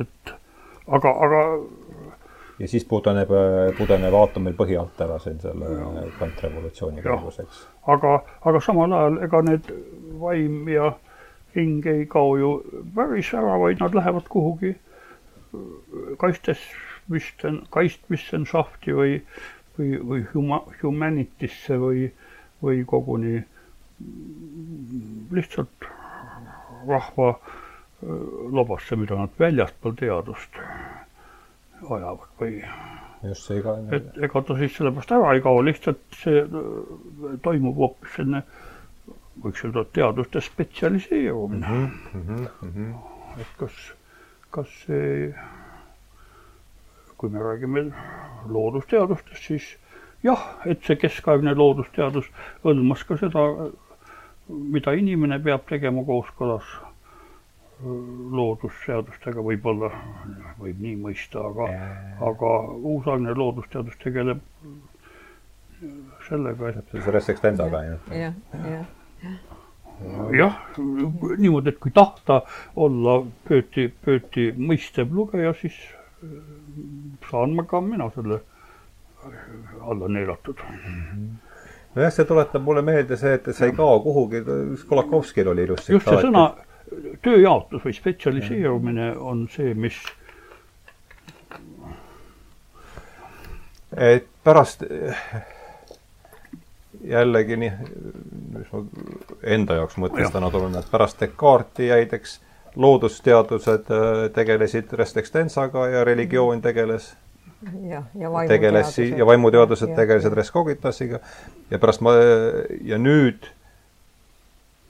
üks väide on see, et see resteks, et, et kui me mõtleme, et ka meie teadvus kujutab ennast ainult selliste ke-, keemilis-, füüsikaliste hammasrataste pöörlemist, et siis noh, mulle tundub, et see, justkui see res extensa on oma määramispiirkonda pidevalt või mitte see ei ole määramispiirkond selles kontekstis, oma valitsusala järjest äh, laiendanud äh, Rescognitantsi arvelt, et kas, kas see võiks olla äh, kuidas sa selle pildiga nõus oled, et see oleks loodusteadlase seisukohalt oleks ideaalne pilt, kui neurofüsioloogia suudaks ära seletada mingite protsessidega, mis ajus toimuvad, seda, kust tekib teadvus ja subjektiivsus. aga noh, see on niisugune soov, soovunelm ja ma ei julge küll väita, et see niimoodi läheb edaspidi, aga kuidas ta läheb ja kuidasmoodi see, see objektiivsus või see subjektiivsus ära seletatakse, millega see noh, kunagi kindlasti seletatakse mingil viisil, aga mingil ma ei viisil. tea, mingil, mis viisil. Jah, sest põhimõtteliselt siis jääks ju järele ainult res cogitans, eks Res Extensa, vabandust, kui see, kui see programm äh, läheks äh, aga, aga ainult Res Extensa kindlasti ei aita, no kas või juba see, et äh, infotehnoloogia on juurde tulnud. aju kui infotöötlusorgan, see on midagi niisugust, mida, mis Descartesi ajal oli ei tulnud arvesse üldse. sellist metafoori polnud võtta. Ei olnud näha üldse kuskil niisugust asja, aga praegu on, äh, kui ajust räägitakse, siis sageli tuleb kohe juurde, et aju kui infotöötlusagregaat. aga jällegi, kui me võtame noh, arvutid, milles infotöötlus on meile arusaadav, sellepärast et me oleme ise nad kokku pannud, no mitte muidugi mina, aga keegi teine on kokku pannud kuidasmoodi, kas, kas ja kui analoogilised on protsessid, mis on ajus, see on täiesti tundmatu. siiani vähemalt ja, ja mis tähtsust nad omavad ja, ja kõik, kõik sellelaadne mm. -hmm. see on huvitav jah, et kuidas me, me tuleme lagedale mingite tehnoloogiatega ja siis hakkame seda tehnoloogiast võetud metafoore nagu kasutama ja on niisugune, mis sa jah, no analoogia on muidugi olemas, sellepärast et mõistus töötab, nagu öeldakse. peast arvutamise võistlused isegi koolilastel on olemas mm. -hmm. ja järelikult midagi, mis on kalkulaatorites ja mis on ajus mingisugused funktsioonid ja mingid tööpõhimõtted on neil ühesugused või vähemalt äh, nii-öelda musta kasti printsiibi järgi, et anname arvud ühelt poolt sisse ja vastus tuleb teiselt poolt välja mm. -hmm. aga äh, mis selles mustas kastis on ja kas see, mis on äh, kalkulaatori sees kuidas need protsessid seal toimuvad, kas sellel on mingi analoogia olemas mõistuses, see on muidugi täiesti lahendamata küsimus mm. -hmm. jah, sest kujutan ette, et Descartesi ajal oli selliseks äh, peamiseks tehniliseks metafooriks võis vahest kell olla või, et kõik käis nagu jah, jah, ja oligi, sest et Descartes selle maailma, maailma vaataski kui kellavärki mm. -hmm, just kui ta sõltab inimese organismi talitust, siis tal on voolikut, voolikut ja togu, togustik. mehaaniline. seem on, hüdraulika on see. just jah, jah, jah. kas me, hüdraulika kuulub mehaanika alla või see on eraldi või on ühe no, tasandi kategooria? jah, sama tasandiga, jah. vedelike mehaanika. välis, väliskeskkondade käitumine, ütleme, uurimine pideva keskkonnamehaanika on ka veel eraldi ja, olemas, aga, aga. pideva keskkonnamehaanika. aga ma ei tea, äkki torustikes voolamine on veel, veel. mehaanika on väliskeskkondade uurimine, võiks öelda no, niimoodi jah ja. huvitav. nojah, see on ikkagi res extensa on see, mida me uurime. res extensa tähendab Descartes ei vaadanud muidugi mitte ainult äh, kehasid ükshaaval, vaid tal oli ka keskkond, tal oli ju see äh, kogu maailm oli äh, keskkond, mis oli täidetud pleenum, eks ole, ja, ja, ja kus olid need pöörised mm, -hmm. mis, mis olid väga olulised seal gravitatsiooni või ütleme, raskusjõu tekitamisel, nii et et see, see käis ka res extensa alla kindlasti, mitte ainult pallid ja, ja kuulid. kas te oskate vot sellest ma ei ole aru saanud, väga suurepärane võimalus küsida, ma ei ole sellest pööriste sellest äh, rollist tema kosmoloogias aru saanud, kas seda oleks võimalik selgitada? tema, temal oli mingisugune ta oli pleenum, täielik niisugune. täielik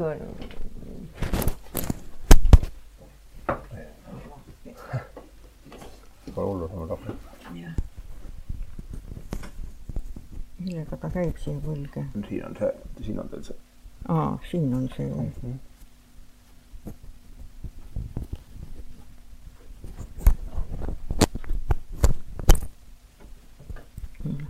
siit lahti võtta. õnneks ei ole otse ka, me saame välja. ei, ei, praegu veel. nii mm. -hmm. nii, mis tuum? nagu ma ütlesin, nõukogude ajal, eriti lõpupoole, see küll on üsna vana raamat. mis teos on niisugune? see on klassikinauki. ja neid viiskümmend kolm. viiskümmend kolm jah, ja see on äh, arutlusmeetodist koos oma kolme äh, lisaga, mis Descartes kirjutas nagu tervikuna ja nendest on siis äh, noh, arutlusmeetodist on muidugi tuntud, see on eesti keeleski mitu korda ilmunud, aga lisad on dioptrika, see on tema äh, optika, kaasa arvatud vikerkaare tekkimine mm, -hmm. meteoorid ja geomeetria, mis ongi äh,, mis ongi äh, analüütilise geomeetria sünd mm. -hmm. ja äh, siin on tal need, need dioptrikas on, on need silma need, kuidasmoodi silm näeb, siis kuidasmoodi, kuidasmoodi tekib see vikerkaar.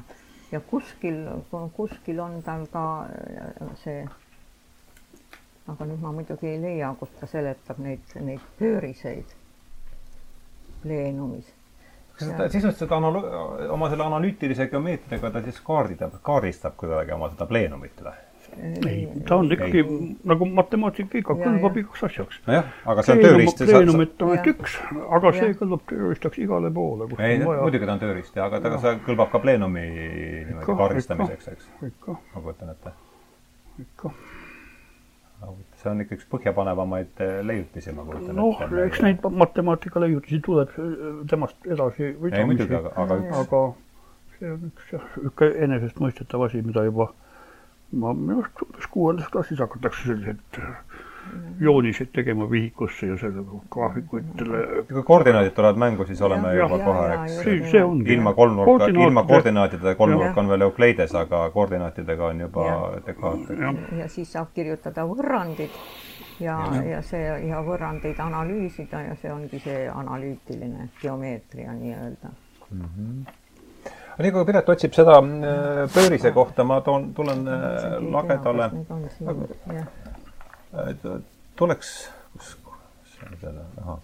Äh, ma võtan siit ühe, kunagi sai kirjutatud niisugune laastukene pseudoteaduse pealetung Postimehele, sest on, sellest on siin, mis ta mul oli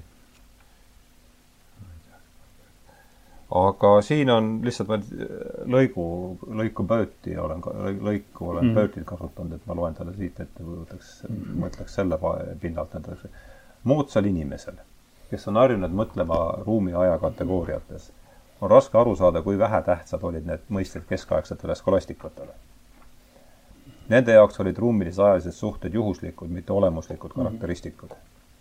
asjade ruumiliste seoste asemel otsisid inimesed nende loogilisi seoseid Neile ei pakkunud huvi mõelda aja peatamatust kulust mm, -hmm. vaid sellest, kuidas tegelikkust, tegelikkus katkematult potentsiaali rüppest välja kasvab mm. -hmm.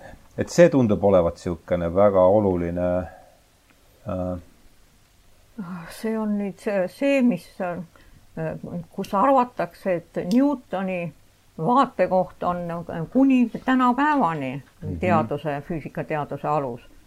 aga äh, need samad eriti Whitehead, püüab uut füüsikat, noh, vähemalt, vähemalt eelmise sajandi esimese veerandi lõpuks oli juba relatiivsusteooria ja kvantteooria mm -hmm. olemas. Nad püüavad kangekaelselt äh, kujutleda. Whitehead nüüd? ja Whitehead näiteks mm, -hmm. kujutleda aja ja ruumi kategooriates ja aja ja ruumi taustal uut füüsikat, mis on eriti kvantmehaanikas, on täielik mõttetus ja nad püüavad kvant, kas ma nüüd kordan, et ma õigesti aru saan, nad üritavad tuua aja ja ruumi kategooriad siis või tähendab kvantfüüsikat kujutleda. kujutleda aja ja ruumi kategooriat. arvutavad nad muidugi, kui nad arvutavad, siis nad arvutavad muidugi võrrandite järgi ja, ja täiesti korrektselt. aga kui eriti Whitehead tahab kujutluspilte igale poole panna mm, -hmm. siis need kujutluspildid on nii räigelt ajas ja ruumis aga kvantmehaanikas aeg ja ruum on niisama kõrvalised mm, nagu võib-olla, võib-olla siis keskajal, ma ei tea mm. aga eh, sest kvantprotsessid ei ole aegruumilised protsessid oma mm. olemuselt. Neid saab interpreteerida, neid katsete tulemusi meie ütleme tava nii-öelda tavaümbruskonnas kui aja, ajas ja ruumis toimuvatena, aga aga eriti just kvantmehaanika algusaastatel küsiti ikka hoolega, et kui see elektron läheb sealt ühelt statsionaarselt obriidilt teisele, kuidas ta siis läheb, kui kaua see aega võtab ja kuidasmoodi tal ikka sealt ühelt teisele läheb. aga need on täiesti mõttetud küsimused, sest et kvantmehaanika, elementaarsed kvantprotsessid ei toimu ajas ja ruumis mm. -hmm. nii et selles mõttes on, on äh, see tänapäeva füüsika ei toimu enam äh, Newtoni mõistete raames uh. Mhm. -huh. ja kui ma kirjutasin endale üles siin, et elementaarsed kvantteoreetilised protsessid ei ole, ei toimu ajas ja ruumis, siis ma ja. sain teist õigesti aru. nojah, jah, jah uh. -huh aga elementaarne kvantteoreet- äh, no,, äh, mis tähendab, see on siis noh, kõige lihtsam ja kõige tuntum on see, et kui äh, aatom kiirgab mingisuguse valguse, mis annab meile spektri, spektrijoone mm. -hmm. siis see kiirgus on, tuleb sellest, et elektron aatomis läheb ühelt statsionaarselt orbiidilt teisele mm. Mhm. aga see on, see on nii-öelda kvantüleminek, kvanthüpe või ükskõik, kuidas seda öelda. See ei ole aegruumiline protsess. et kui me joonistame selle tavalise sellise kontsentriliste ringide, et sellega ja. me li- mm. -hmm. see, see on, ühesõnaga aatom ei ole miniatuurne päikesesüsteem. et, et elektronid tiirlevad ümber, ümber aatomi see, see kujutluspilt on eksitav. see on täiesti, tähendab, ta on kasulik selles mõttes, et, et, et noh. Midagigi aru saada. midagi, midagi vähemalt, et on tuum ja on elektronid seal ümber kuidagimoodi. aga mm -hmm. et nad seal liiguvad nii nagu planeedid ümber päikese ja see on juba täiesti eksitav aga kas te sellise kujutluspildiga oleksite nõus, et, et kui, et need kvant sündmused, kvantsündmused on oma loomult tõenäosuslikud. No seda Või, võiks öelda statistiliselt, nii et, et kujutada seda aegruumilisena, see on umbes niisamuti nagu kujutada aegruumilisena ette keskmist eestlast, keskmist, keskmist ja. lätlast mõnes mõttes, mõnes mõttes Aga küll. keskmine lätlane on ikkagi ajas ja ruumis äh, toimuv. Äh, kas on? kus, kus linnas elab okay. keskmine lätlane? hästi. Äh, pigem sa viitad, see on platonistlike vormide ilma. ei, ma mõtlen, et ikka kohe seesama tõe, tõe, tõenäosuslik või statistiline objekt, raske öelda, kas ta on ajas ja ruumis või üldse mitte aga kui ta ei ole ajas ja ruumis, siis ta on ju, mis see teine võimalus on, väljaspool aega ja ruumi? no statistiline, kohe ütleb, kus ta, statistiline keskmine tuleb mängu siis, kui meil on ansambel, kui meil on palju ühesuguseid neid. aga kui meil on üksik, üksik aatom, üksainuke elektron läheb ühelt orbiidilt teisele ja kiirgab ühe ainsa footoni. No,, mis on elektron, täiesti kirjeldatav ja siis see protsess ei ole aegruumiline. aga kui meil on juba palju aatomeid ja, ja mingisugune sta, üleminekute statistika, siis muidugi meil on tõenäosused tulevad mängu juba. aga kuidas siis on, hästi, ütleme see teoreetiline, no kus ta ka ei oleks, et ta ei ole ajas ja ruumis aga katsed toimuvad ju ikkagi ajas ja ruumis lõpuks või? toimuvad ja aga selle, selle kohta on jälle terve teooria, mis on, või teooriate kimp, mõõtmisteooria kvantmehaanikas. mida see tähendab, et meie registreerime äh, midagi, no spektreid on muidugi kõige lihtsam registreerida, sellepärast et et valgust me kokkuvõttes ikkagi näeme lõpuks mm -hmm. ja saame, saame mõõta väga lihtsasti, suhteliselt lihtsasti.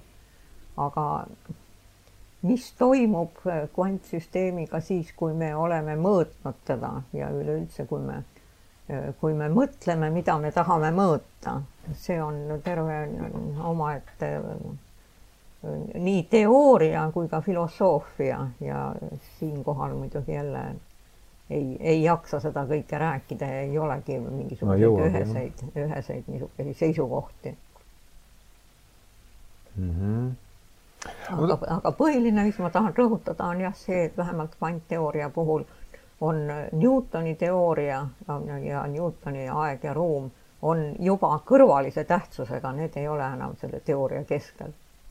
Mm.. noh, küll oli ka see, et, et Newtoni see tavapärast mõtlemist ja meie arusaamist äh, jah, seda äh, küll, et meie tava, tavaelus on muidugi Newtoni teooria ja Newtoni metafüüsika on oluline, sellepärast et Newton kujundaski selle tavaelu, tavaelust lähtudes ja tavaelu niimoodi mõõtmiste, vaatluste järgi. Ja, ja see tavaelu on, ei ole muutunud Newtoni ajast alates. nojah, ja kui nüüd arvata, et eks see kell on nii kaugel, et et kuskil poole tunni pärast saab see jutuajamine läbi, seetõttu on ju seda tõsiasja hakata kasuta, kasulik ilmselt ka silmas pidada, et et nii palju, kui ma Böötist aru saan, kui see Bööti raamat võtta nüüd ühte lausesse kokku, siis on see, minu arust on see lause otse, otse tsitaat kuskil, et et füüsikuna oli, oli, oli Newton noh, minu arust, et, et the most stupendous achievement of human mind on vist see lause, mida ta ütleb, et inimmõistuse kõige kõige väljapaistvam saavutus kunagi, aga metafüüsikuna on ta, võib-olla vähem, vähem hiilgav, et et ma arvan, et see on see, kuhu Bird lõpuks välja tahab jõuda, et tuleme selle juurde tagasi, aga et ma tahaks veel kuulata seda, teie selle, teie kommentaari sellele sama, ma loen selle uuesti ette, et et moodsad inim-, moodsad inimesed, kes on harjunud mõtlema ruumi ja aja kategooriates, ehk siis Newtoni füüsikas, eks, on ju? On raske aru saada, kui vähetähtsad olid need mõisted keskaegsetele skolastikutel. no mina ütleks, et tänapäeva kvantfüüsikaga tegelejad Nende jaoks, Nende jaoks on, aeg ja ruum niisama vähese tähtsusega, kuigi, kuigi nendest ei saa loobuda, noh, sellesama pärast, millest oli juttu, et mõõtmisteooria tuleb otsapidi ikkagi meie mm -hmm. tavamaailma. aga, aga teooria iseenesest ei kasuta üldse aega ega ruumi ja isegi mitte aegruumi, relativistlikku et see oli jah, vaata see näitab, kui vähe mina sellest asjast tean, aga see oli minu jaoks äh, äh, suur avastus täna, et kvantteoreeti- või tähendab siis element, elementaarsed kvantteoreetilised protsessid ei toimu ajas ja ruumis. jah, sellepärast et matemaatika on üles ehitatud teistele alusmõistetele. sest matemaatika on üles ehitatud väga huvitav. ja kirjeldus ongi matemaatiline, kuna me sinna peadpidi vesiniku aatamisse sisse minna ei saa, et vaadata, mis toimub siis matemaatika on ainuke, millega me saame seda kirjeldada ja matemaatika alusmõisteks on kompleksne vektorruum, Hilberti ruum ja need samused vektorid Hilberti ruumis. aga noh, neid ei maksa üritada, üritadagi ette kujutada. jah, see käib üle Saeveski filosoofi mõistese jälle. puht, puhtmatemaatilised. kuidas see Gilberti? Hilberti. H-ga, jah. Hilberti. Hilberti ruum. Hilberti kompleksne vektorruum ja kvantolek on vektor Hilberti ruumis. aa, nii et ja. äh, kas siis, kas ma nüüd sellest panin endale õigesti kirja, et siis element, et elementaarsed kvantteoreetilised protsessid toimuvad Hilberti ruumis? Äh, või on see, olen juba midagi no, jah, matemaatika võrrandid on pandud kirja. Neid kvant, siis ütleme, kvantteoreetilisi protsesse kirjeldavad matemaatika ja, võrrandid on kirja pandud Hilberti ruumis, ma panen selle. jah, umbes, umbes niimoodi, aga noh mm -hmm., ega seda.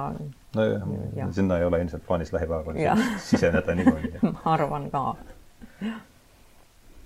kuidas sul on Hilberti ruumiga, Jaan, oled sa seal viibinud oma füüsikaõpingute käigus? kes luges kvantmehaanikat? Lemba jah. See ei olnud väga õnnestunud, me ei sobinud ka iseloomu poolest, aga aga hiljem Võtliiase loengud olid huvitavamad. kvantväljateooria. elektrodünaamikat ja, ja, ja, ja, ja, ja no Liias on muidugi perfektne matemaatik, selles mõttes, tähendab, ta on füüsikaharidusega, aga tema loengud olid väga matemaatilised. aga tema on tõlkinud ka? ta on palju tõlkinud. Ja ta läks, kui ta, kui ta sai viiskümmend viis, kuna tema oli ainuke, ainuke, ainuke naisterahvas teoreetilise füüsika kateedris, kuigi tal oli palju loenguid siis äh, nii kui ta viiskümmend viis sai, see oli pensioniiga nõukogude ajal mm, -hmm. lahkus ta töölt, läks aastaks ajaks Austraaliasse oma vanema õe juurde ja kui tagasi tuli, hakkas tõlkima. aasta võis olla umbes siis? aasta jah, oli, oli. ei, aga ma mõtlen, mis aastal see, millal ta sündinud on? kakskümmend, kakskümmend kuus, seitse, kaheksa või mis ta võib mm -hmm. olla, nii et ta on üle üheksakümne praegu juba mm. -hmm ja siis, kui ta jah, tagasi tuli sealt, siis hakkas hispaania keelest tõlkima põhiliselt. ja, ja prantsuse keelest vist ka natuke tõlkinud. tõlkijana on muidugi palju, on auväärsel positsioonil Eesti tõlkekirjanduse, Eesti tõlkijate hulgas. jah. aga siis jah, et tundub, et see äh, ütleme, mul on selle teesi, millega me siin nüüd selle jutuajamise lõpuni üritame viia juba välja äh,, välja öelnud, et, et veel kord Berti järgi ja, ja see on ju lõpuks ka vaid Berti arvamus, oli see, et, et Newton oli füüsikuna väljaspool väljaspool konkurentsi, aga metafüüsik. aga läheme sellega edasi. üks asi küll veel. et mida, mida ta selle all võib mõelda ja, ja, ja no, võtame nüüd viimased paarkümmend minutit siis. see raamat on kirjutatud tuhat üheksasada kakskümmend neli, nojah, see on veel isegi varem no. aga, aga see, kui Newtoni need teoloogilised asjad välja anti, see oli ikka juba teise maailmasõja ajal või isegi hiljem, nii et, et võib-olla isegi ta, oleks ta neid, nendega tuttav, võib-olla oleks ta hinnang teistsugune olnud, sest õige, need olid ju jah, jah, ja nad olid küll klassikalise kristliku teoloogia suhtes natuke sellised, öeldakse ariaanlikud, ta oli väga... Newton oli ariaan, eks ole, jah, jah, et, et, et Jeesus Kristus ei saanud korraga olla nii inimene kui ja. Jumal, vaid natukene ikka, pigem ikka inimene. Selline, selline toon seal on. aga, aga sellegipoolest hulk tööd tehtud, isegi on hinnatud, et mine tea, äkki kulutas selle peale rohkem aega kui nende no sihuke, sihukest väidet ma olen lihtsate loodus, loodusküsimuste peale. sest mis on loodus jumala kõrval, oi. no vot, see ongi Descartesi lõhe tegelikkuses. aga see on ainult hüpotees, seda tõestada raske. Newton avalikult tegeles ainult res extensadega, aga salajaama keldris seal vaimuga ja jumalaga, aga ja. kokku panna ei, ei osanud üks väide, mida ma olen kuulnud, on see, et eks Newton elas, see printsiipia tuli mis tuhat kuussada kaheksakümmend seitse. nii et noh, ta eluaastad olid ju ka ikkagi suhteliselt rahutul mm., rahutul ajal, eks, et, et Kroonu seda, sedasorti tegevust väga ei soosinud seal, seda tema mm. Müstik, müstilisi, alkeemilisi, kuivõrd noh, noh, nendel ilmselgelt oli äh, ehitist raputav mõju võimalik, et, et siis ta neid, see on ka, see on lihtsalt üks tõlgendus, mis mingist dokumentaalfilmist vist jäi kõrva, et, et seetõttu olid jutt on Newtonist praegu. jutt on Newtonist, jah mm. -hmm. et elas ju ikkagi, millal see hiilgav revolutsioon oli ju umbes samal ajal, kui tal see välja tuli, eks, ja pluss see noh, see oli ikka Inglise, mis, kas tuletate meelde, millal Hobbesi eluaastad olid? Hobbes elas ka hästi kaua, ta suri umbes kuussada kaheksakümmend ja, ja sündis umbes viissada seitsekümmend. jah, jah, jah, just. Sest noh, Hops ütleb, et tema mäletab oma lapsepõlvest niisugune fundamentaalne tunne on hirm. et see armaada pidi just ja. maanduma, kui Hispaania armaada pidi maanduma, kui ema teda kandis. tuhat viissada kaheksakümmend umbes oli see armaada või seitsekümmend millegagi. jah oota, kas siis ei klapi aastaarvud vist? et vastupidi, et Hopsi sünniaasta on kuskil peale tuhande viiesaja kaheksakümnendat, umbes, umbes kuus-seitse aastat vanem kui Descartes. aga see peab siis olema, et see ema kandis seda sel ajal, kui, kui armaada tuli, eks? jah, jah, ja. pidi tulema. just. ja elas üle üheksakümne aasta vanaks.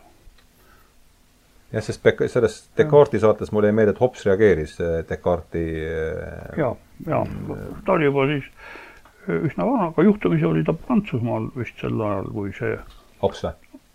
jah, ta nagu ikka palju, oli seal, see oli kuskil neljakümne, sel ajal olid ju Inglismaal need Charles Esimese pea mahavõtmise lood. see oli ka väga rahutu aeg oli. väga rahutu aeg, umbes samal ajal ilmuski Descartesi need meditatsioonid, kus, kus need kommentaarid taha, taha võeti ja millele Descartes omakorda vastas. ja üks neist oli Hobsi, Hobsi, Hobsi kommentaarid ja siis Descartesi vastused neile. nojah, kui sinna ususõdade juurde juba läks, üks tõlgendus, mida ma, kas ma samast Blackburnist nobisin vist üles, et see sedasama epistemoloogiline kriis, kirik, kes on kogu seda asja hoidnud koos, kellel on noh, kõik, kellele kuulusid tol ajal ju kõik telejaamad, kogu internet, kõik teatrid, kõik kinod, kõik oli ju sisuliselt kirik, eks ja see on nüüd kaheks ja sinna lõhesse sisuliselt siis Galileo, astub Galileo ja ütleb, et noh, jällegi väga niimoodi eh, tinglikult muidugi, metafoori tasandil pigem, et kui see lõhe on nii suur, siis täidame selle ära sellesama matemaatikaga, mõõdame asju, sest see, see venna tapmine või lõplik verevalamine ei vii meid kuhugi, et see niisugune mis sellest mõttest arvate? ma arvan, et see on, idee on Blackboardist nopitud ja ise panin värvi juurde siin nii, nagu oskasin, et mis te sellest arvate? See sõna lõhe mind ei inspireeri, ma pigem kuidagi ikkagi. no kuidas sa, kuidas sa ususõda, sa muud, mis sa seal muud. et ususõdade tulemus on ikkagi minu meelest selline individualismi tekkimine. no see on varasem, see keskaegne, see ühtne riiklik organism, jumalast juhitud loodus ja inimene kooskõlas, see on väga kollektiivne, väga kollektiivne mm -hmm, tervik selline. Ja just see uus usk, Luteri usk on üks, mitte ainult Luter, vaid üldse protestantism on, on suurel määral indiviide vabastav. Ja sellega siis nagu pigem tekib täiendavat ruumi inimese tegema, et, et mulle, mulle tundub, et see ei pea tingimata olema lõhe, vaid üks lisavõimalus inimese vabaks äh, tegutseda. noh, kuigi ma võib-olla vist ei pannud tähele täpselt äh, su seda sissejuhatavat ei, ei, ma, ma üritan sinuga kaasas püsida, aga et noh, et ususõda, no ütleme, seal on seda te, ususõdade tingimustes teiseks nagu lõheks raske mõjutada, sest ja. ikkagi kui vaatame, mis Saksamaa lah, mm -hmm. rahvaarvuga juhtus tol ajal, siis oli ikkagi kõva kuristik selles mis enne oli ühtne, mis rajanes ühele kas sa mõtled kolmekümne aastast? jaa, kolmekümne aastast ikka. aga, aga see uusaegne ma... individualism, protestantism on ikkagi pigem juba kuueteistkümnenda sajandi esimese poole. jaa, aga see ususõda kasvab selle pealt ju välja, poleks Luterit olnud, poleks sellisel kujul. selleks ajaks on juba individualistid koos nende uue usuga juba olemas. ühed individualistid ajavad hispaanlasi Hollandist välja ja teised Prantsusmaal lasevad ennast tappa Pärtli ööl seal. igal pool on selline vana usu ja uue usu, vana kollektiivse usu ja uue okay. individualistliku usu tüli mm. -hmm. ja, ja pigem need uued mõtlejad, kuigi nad vormiliselt nagu Descartes või vist ka Galilei siiski võime ju ausaks katoliiklaseks lõpuni pidada. ta see, see vibe ikkagi on selline individualistlik, mis ja. tundub olevat see reformatsiooni või no mis tundub olevat järgi see zeitgeist, eks ja, ole, mis, millel sõidavad nii kat-, tolleaegne katoliik. oleks otse öelda, et Descartes on Luteri õpilane, ei, nad on ju verivaenlased, üks ja teine teisest poolt leeris, aga aga see zeitgeisti mõttes on nad sellega oled nõus? jaa, jaa, vägagi. mulle ka tundub, et see on niisugune raske või noh. aga need on sellised üldised teooria ilma eksperimentideta ei ei toida. aga see on nüüd jälle üks inimese vaimu niisugune, ma ei tea, mis põhiline omadus. et äh, kuigi meie äh, teadmised ja, ja muljed ja, ja vaatlused toimuvad ükshaaval, siis kange tahtmine on koostada nendest narratiiv panna nad ritta kuidagimoodi üksteisest see on kohe inimese haigus niisugune. haigus just nimelt, see on täielik haigus. loed jupi siit ja jupi sealt ja tahad ja siis näed, et oi, näed, neid saab niimoodi ilusti järjekorda panna, jutud, teha jutustus, narratiiv, nagu öeldakse tänapäeval mm. -hmm. ja niisuguseid narratiive tehakse ajaloos ja filosoofia ajaloos ja ka füüsikas tehakse väga palju mis tegelikult on noh, neil on teatud usutavus on kindlasti olemas, sest muidu nad ei, ei klapiks omavahel kokku ja neid ei, neist ei räägitaks nii suure vaimustusega. aga alati tuleb jah. aga kas ilma nendest saaks? tahtsin öelda, mis on alternatiiv no, alternatiivi ei olegi, aga tuleb olla skeptik ja kahelda nagu Descartes alustas kui keegi räägib, et vot see asi, see ajaloosündmus, sellest järeldus see ja see ja see ja kasvõi mingid zeitgeistid, mis midagi põhjendasid, siis, siis tuleb alati hinge natuke kinni hoida ja, ja järele mõelda, et see on ilus kuulata küll, aga kas jah, või nagu mu vanaema ikka ütles, et seda ilus lugeda küll ei, tõsi see jutt küll ei ole, aga ilus kuulata küll nojah, ei skeptise vastu, skepsise vastu ja. ei ole kellelgi midagi, aga noh, samas kui võtta jällegi Descartes, kes alustab kahtlusest, ta ikkagi otsib ju ka samas väljapääsu sellest ja, ja, ja, kahtlusest, seda muidugi, aga noh, tema väljapääs on väga spetsiifiline. see iga, no see lihtsalt narratiivi kuulates, et tõsi see jutt küll ei ole, aga muidu ilus kuulata küll. see see tuleb tagataskus hoida alati igasuguse niisuguse ilusa jutu juures, mis kõik asjad kokku ühendab. sellega olen jah täiesti nõus. kirjavahetusest enne saadet jäi mulle mulje, et seal taga lõpus Bööt räägib midagi ah, ajust, ajust, ajust ah. ja, ja vaimust. see tuli Pireti kirjast, jah? just, just, aga kahjuks ma ei saanud Google Scholarist sadakond esimest lehekülge on ja, võimalik üles ja. leida, aga mina ei jõudnud sinnani konspekteerida. huvitav, millest see täpsemalt räägib? mina, mina loen alati raamatuid kõigepealt alguses ja tegin Xero sellest esimesest peatükist ja tegin ka viimasest peatükist Xero conclusion ja. ja siin ütleb Pöört, et äh,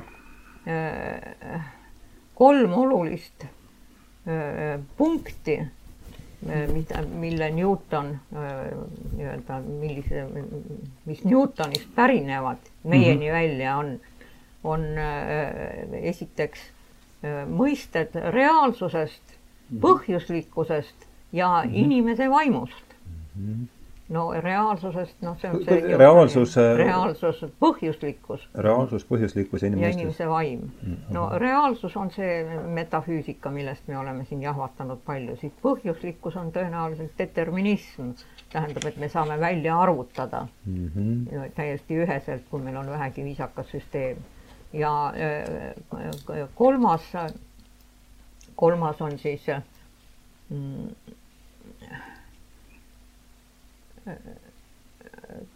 kolmas on, mis, mis Newtoni järgses maailmas on alles jäänud, on Cartesiuse dualism oma doktriinidega primaarsetest ja sekundaarsetest kvaliteetidest. see on oluline. see on see, mis väga närvidele käib kõigile või paljudele. ja siis noh, nagu, nagu Descartes selle, selle vaimu sidus äh, ajuga, on see, see on see käbin äärmes mm, -hmm. kindel koht. no see on see koht, kus res extensa res cogitans kokku saavad tema mudeliseks? noh, minu arust äh, see väide on äh, tänapäeva inimese jaoks tundub loomulikus mõttes loomulikult nii naeruväärsena, et selle üle ei tasu üldse arutadagi. sest pigem jätta tühi koht, et kuidasmoodi see, see välismaailm ja aju kokku saavad no aga kas ähm, ahah, okei okay, ja, selle. ja siis, siis hakkab Word äh, siin äh, pikalt arutlema, mida ma isegi suure vihaga jätsin need leheküljed vahele. väga huvitav, mis seal vahe? kolmsada kaks, kolmsada kaksteist kuni kolmsada kakskümmend kolm mhm. jätsin vahele. kolmsada kaksteist, kolmsada kakskümmend kolm. sinna ma ei jõudnud. jah, jah. ja. teise tiiruga tähendab. siis. esimese tiiruga, ma ei mäleta siis äh, nojah, kõigepealt ta arutleb neid äh, reaalsuse ja põhjuslikkuse probleeme, no see on suht viisakas. ja eriti just äh, metafüüsikast me siin oleme pikalt rääkinud, et tavainimese jaoks on Newtoni absoluutne ruum ja absoluutne aeg täiesti arusaadavad ja, ja kasulikud mm. -hmm ja põhjuslikkus kui äh, Newtoni liikumisvõrrandite järgi arutamine on ka igati kasulik ja äh, hästi kontrollitav. Äh, aga, aga siis, kui nojah, ei ja, ja, ja põhjuslikkuse põhjuslikkusest, põhjuslikkusega ta ei ole rahul, sellepärast et Newtoni liikumisvõrrandid pigem lubavad algtingimustest arutada lõppseisundit mm. -hmm. tähendab, see on siis Aristotelese järgi mõjuvast põhjusest lõppolek aga äh, keegi enamasti ei aruta neid, kuigi see on täitsa võimalik. teleoloogiliselt tähendab, võtame lõpp-põhjuse ette ja vaatame, missugused mm -hmm. peaksid olema algtingimused, noh, see ei ole, mm, ei ole praktiliselt äh, mõttekas. Äh, aga teleoloogiat hindab Pööt väga kõrgelt ja on väga mhm. õnnetu, et tele, teleoloogia on välja visatud. no see on ilmselt tema baptistlik ja kristlik taust, ma kujutan ette. võib-olla, jah ja siis, ja siis läheb ta selle, selle vaimu juurde ja, alustab siis sellest, et. see on nüüd see kolmas punkt? jah, kolmas punkt jah mm. -hmm ja, ja Berkeley, Hume ja nii edasi. kui mul on nüüd sõrme otsas valu, mis siis toimub, kuidasmoodi siis see, see valu jõuab aiu ja mis siis, ühesõnaga tahab täpselt teada, mis siis toimub ja kritiseerib, et kuidasmoodi see on väga loll kontseptsioon, et kuskil ajus on midagi, mis, mis registreerib seda valu või, või teki-, tekitab meile valuaistingu mm. -hmm. aga see on nii naiivne, see käsitlus oli ja nii tundus mulle nii mõttetu, et ma isegi aga nüüd me, see on kümme lehekülge kogu. nojah, ma ju räägin, et pikalt mm. jahvatab, jahvatab ja jahvatab ikka kuidasmoodi.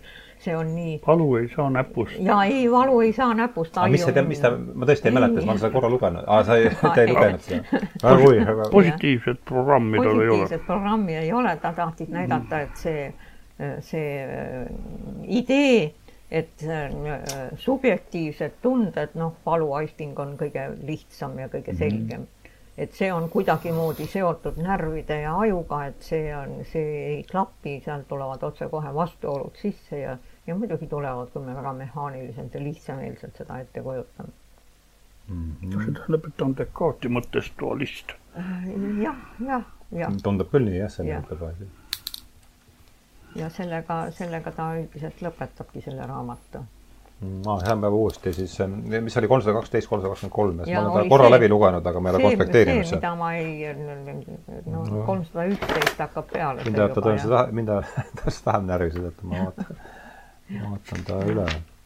ja ma olen siin jooninud alla küll jah, aga aa, täpselt, ma olen äh, siin jah, Breaking of the Pin yeah.. jah, siin ma olen pannud ka kaks küsimärki juurde. aga ma muidugi uuesti ma üle lugesin, ma ei jõudnud ja. seda jaa, aga ei, väga äh,, väga põnev, väga põnev. et äh, kuidas see asi siis nüüd võtta, võtta niimoodi, kuidas see asi võtta kenasti kokku, ma vaatan siin veel, kas ma saan kümnekonna minutiga. et äh,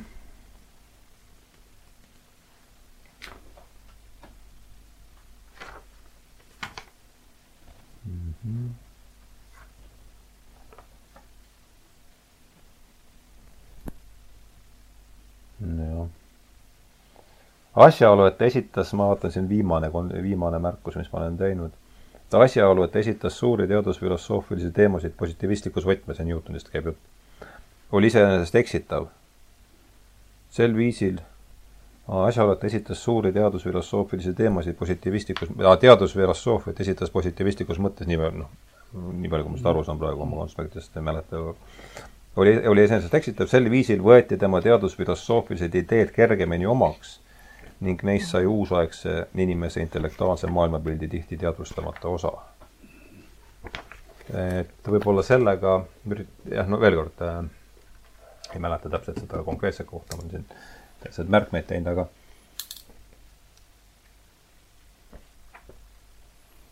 jällegi nii palju, kui ma tast nüüd aru saan, on see, et ta tõi sisse siis selle oma füüsika edukäigu varjus, tõi sisse metafüüsika, mis on praegu teadvust, mis on, mis on teadvustamata omaks võetud ja millest me olukorras, kus metafüüsika ei ole niikuinii populaarne sõna, me isegi ei anna aru, et meil, et meie mudelid rajanevad mingitele metafüüsilistele oletustele. kas see Newt, olete selle Newtoni metafüüsilistele olet- ja, ja, ja seda just.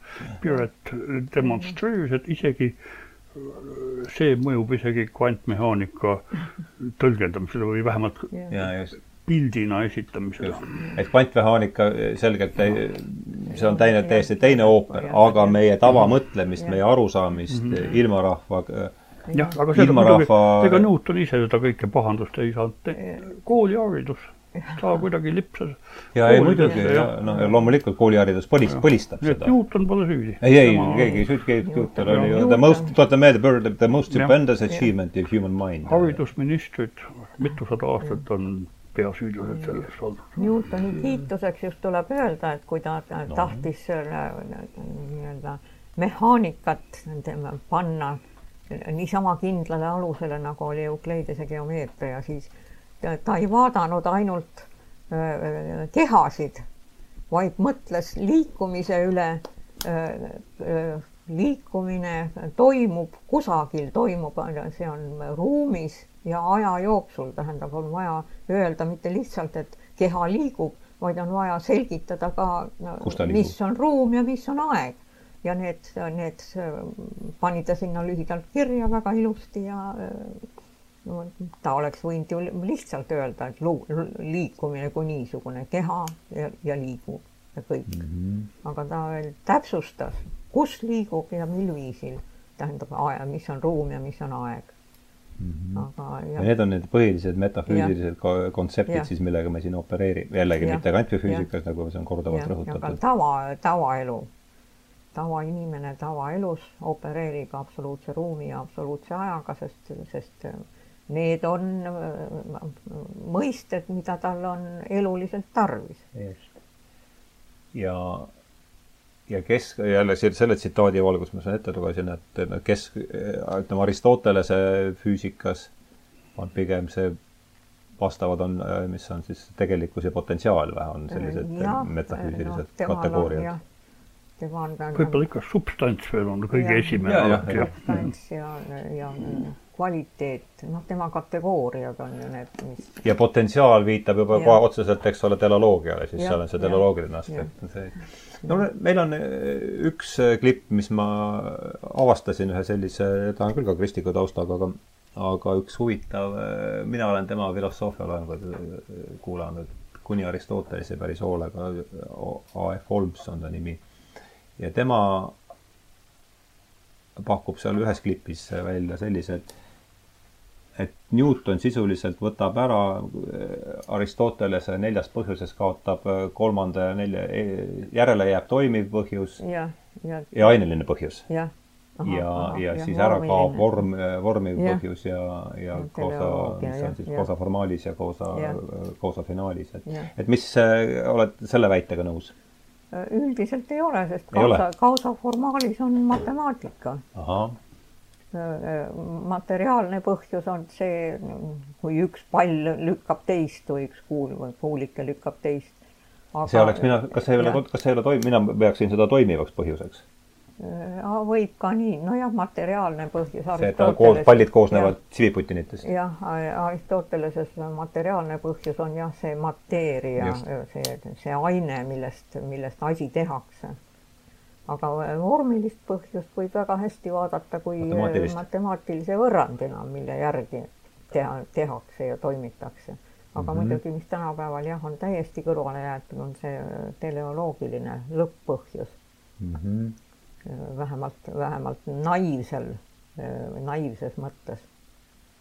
ja lõpp-põhjus on muidugi Aristotelesel ka seletatud mitte niivõrd maailma asjade jaoks, kuivõrd inimese jaoks, sest tema seletus lõpp-põhjuse kohta on see, et inimene kavatseb midagi teha ja äh, tahab midagi korda saata ja mõtleb, mida ta tahab korda saata ja siis tegutseb ja jah, et see tema, juba tõmbab teda tulevikus, see see plaan mm, -hmm. Kuhu ta tahab välja jõuda, see on põhjus, eks ta üldse midagi tegema hakkab, aga see on juba puht subjektiivne. et see ei ole nojah, aga see on ka sama konspektis kirjas, et keskaegses Aristotele filosoofias oli esi, esiplaanil oli inimene, mille no, Descartes ei olnud veel ju kaheks löönudki, eks see on jah, muidugi. seal olid kõik need mõisted olid ja mõtlemine oli, oli natuke teistsugune. jah, sest seda eh, Descartes, Descartes ei olnud asja kaheks löönud veel ju, saan mina asjast aru. ja, ja, ja, ja. Descartes polnud veel sündinudki. no vot siis, aga mis ma oskan öelda? olen, tunnen ennast äh, nagu oleks sünnipäev kohe, et kahe kas see kõik läks nüüd eetrisse ei, see ei läinud eetrisse veel, see tuleb. nüüd seda saab lõigata ja kleepida. Äh, et ähm, kahe aruka inimese seas äh, niimoodi juttu ajada kaks tundi teisipäeva pärastlõunal, mis sa paremat oskad? Äh? jah, on täitsa võimalik selle kohta on olemas. jääda ja niimoodi, et mul isegi ei ole hääl ära läinud, et nagu ma ütlesin, et ma räägin nii vähe, et kui ma tund aega juba räägin, siis kipub hääl ära minema, aga näed, täna. äkki tähendab, et liiga vähe, et see kahe tunniga räägib juba hääle lahti. tagasi. kui niimoodi ei pea auditooriumi sees äh, etlema, siis ei, ei juhtu just häälega ka midagi, kui oma, omavahel siin veel rahulikult juttu ajada, et siis on see. aga tuhat tänu teile, et võtsite, see on ikkagi kaks tundi päevast on arvestatav, arvestatav hulk ja aitäh teile rääkisime siis äh, täna kas me nüüd Berti sellest raamatust rääkisime, kasutasime teda nagu ikka, me kasutasime, oleme kõik, oleme kõiki raamatuid ja teemasid kasutanud tõukelauale vestluseks. mul on ikka küsimus selle raamatuga, kuidas see üldine paatos seal on, kas ta on ikkagi Newtoni suhtes kriitiline või on ta ikkagi rõõmustab ka, et vahepeal Newtoni maailmapilt on võimul olnud või siiamaani? Kas ta on rõõmus selle äh, lõpu üle, et, et tänase päevani on Newtoni pilt? ta on üsna indiferentne, sest ta lihtsalt mm, -hmm. tema eesmärk on mm, analüüsida mm. -hmm. et ta jah, et ei anna hinnanguid? ei, ei ta hinnanguid annab väga vähe, välja arvatud mm -hmm. see viimane, see, et äh, kuidasmoodi valu aisting, kui sõrme mhm. on valu, kuidas, mis sellega siis toimub seal mhm. on ta kriitiline, et see kõik tolleaegne teadmine on, on jama mm. -hmm. ma olen täitsa nõus, et seda ei oleks pidanud üldse sinna raamatusse kirja panemagi. Mhm. aga e, üldiselt noh, teda peetakse kuunieelseks filosoofiks. jah, mina ja., mina, mul on tema suhtes ja. positiivne eelhoiak, sellepärast ja. et ühe minu lemmiku äh, kui ma teaduse just, need Poiree või? Poiree, et see olla veel koguni tema õppeline, kui seda sa mainisid seal, jah. ühel samal aastal sündinud, aga noh, üks tuli välismaalt ja teine oli juba kohapeal olnud seal välismaal. ühesõnaga ta, ta püüab analüüsida ja, ja kirjeldada seda, mida Kuhn nimetab pärast paradigmaks jah, Kuhn ise kiidab ka Poireed, aga, aga teda ta, ta ei nimeta, jah. aga kuidagi on jah, tänu Hardale või kuidas on pöörd uuesti. midagi tolku on siis. mitte ainult siin, vaid on siiski jah. jah, minu vastu, kui sa küsisid, mis see üldine paatos oli, veel kord, et ma noh, lugemisest on möödas äh, üle aasta ja, ja, ja. Kons hoolikalt konspekteerida jõudsime ainult esimest peatükki nüüd mm. -hmm aga jah, noh, seesama, et, et veel kord, see Newtoni füüsika saavutus on välja, see on äh, klass omaette, aga et äh, et selle käigus, võib-olla kui seda kriitiliselt poole võtta, selle, selle füüsika võidukäigu käigus, võiduka mm -hmm. füüsika võidukäigu mm -hmm. tingimustes on siis need ka need metafüüsilised kontseptid aeg ja ruum, siis eelkõige ma kujutan ette. no see on minu arust väga positiivne tulemus, see näitab, et tõsine füüsika, füüsikateadus, et sellel on, on olnud oluline mõju filosoofiale, sest filosoofia sageli on ju ainult nagu Kalev Tarkpea armastab öelda, sooja õhu puhumine. -hmm. ja lihtsalt räägitakse, räägitakse, räägitakse ja teadmata, millest räägitakse, aga Newtoni füüsika on tõsisel vaatluslikul alusel ja eksperimentaalsel alusel ja kui sealt midagi pudeneb ka filosoofiasse, siis filosoofia omandab ka mingisuguse kindlama aluse, kuigi iseküsimus muidugi on, kas see nojah, absoluutne aed või absoluutne ruum omal ajal ja tavaelus tänapäevani on, on väga olulised. jah, mulle tuli, kuidagi katkes see lõng ära siin, mis vahepeal sai et, et kui nüüd Descartes lööb selle res extensas ja res, res cogitans on see, eks ole, et ja. ma ei eksi sellega. et siis justkui see ambitsioon on vähemasti osal nagu poolel, ma kujutan ette tea, teadusest, et see, et res, et jääbki järele res, res extensa lõpuks, kui me saame kogu selle neuronite liikumise kõik ära selgitada ka oma selle subjektiivsuse, ma ei, et siis kas te selle väitega olete üldse nõus või selle, noh, minu et ähm, mitte isegi, see pole niivõrd väide, kuivõrd arusaam no.. see, kuidas ma enda jaoks mõtestan ja. asja, et, et üks ambitsioon on tehagi niimoodi, kaotada ära res cogitans ja et jääks järele ainult res extensa ja et ka meie subjektiivsus oleks lõpuks see... matemaatiliselt kirjeldatav mingite ähm, võrranditega. kas see arusaam on äh... arusaam on igalühel niisugune, nagu ta on, on subjektiivne, nii et igaüks võib aru saada nii, nagu ta tahab, aga kõrvutage seda siis palun oma arusaamaga. minu arusaamas, minu arusaam ei ole nii lihtsameelne, sellepärast et ma ei usu, et ainult res extensat tähendab aegruumis toimuvad liikumised, sest põhimõtteliselt aju aa, et kvantnähtus. aju, ei noh, kvantnähtused ei klapi Miks? ajuga, sellepärast et igal juhul aju aga kvantnähtus on väljaspool aega-ruumi, sellest me juba jõudsime. koherents on liiga suur, aju on liiga suur aju on liiga suur selleks, et paremad, keerulisemad kvantnähtused saaks seal olulised olla. Penrose oli, püüdis ju jah, temal on need tu-, tu-, need tegi neid jah. tupilorm mingi. jah. et mida Penrose üritab teha siis? ta üritas, nüüd ta ei ürita muidugi midagi enam.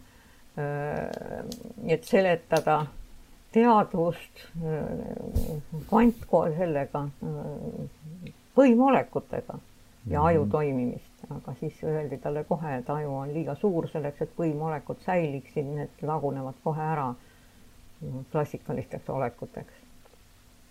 põhimolekud lagunevad klassilisteks olekuteks? nojah, need on see kvantmehaaniline koherents, dekoherents. kuidas, mis see ingliskeelne on põhimolek? noh, ükski sõna ei tule meelde enam minu jaoks. klassikalised olekud on siis Newtoni füüsikaga kirjeldatavad olekud, jah? Need, mis on Newtoni ajas ja ruumis toimuvad mm. -hmm.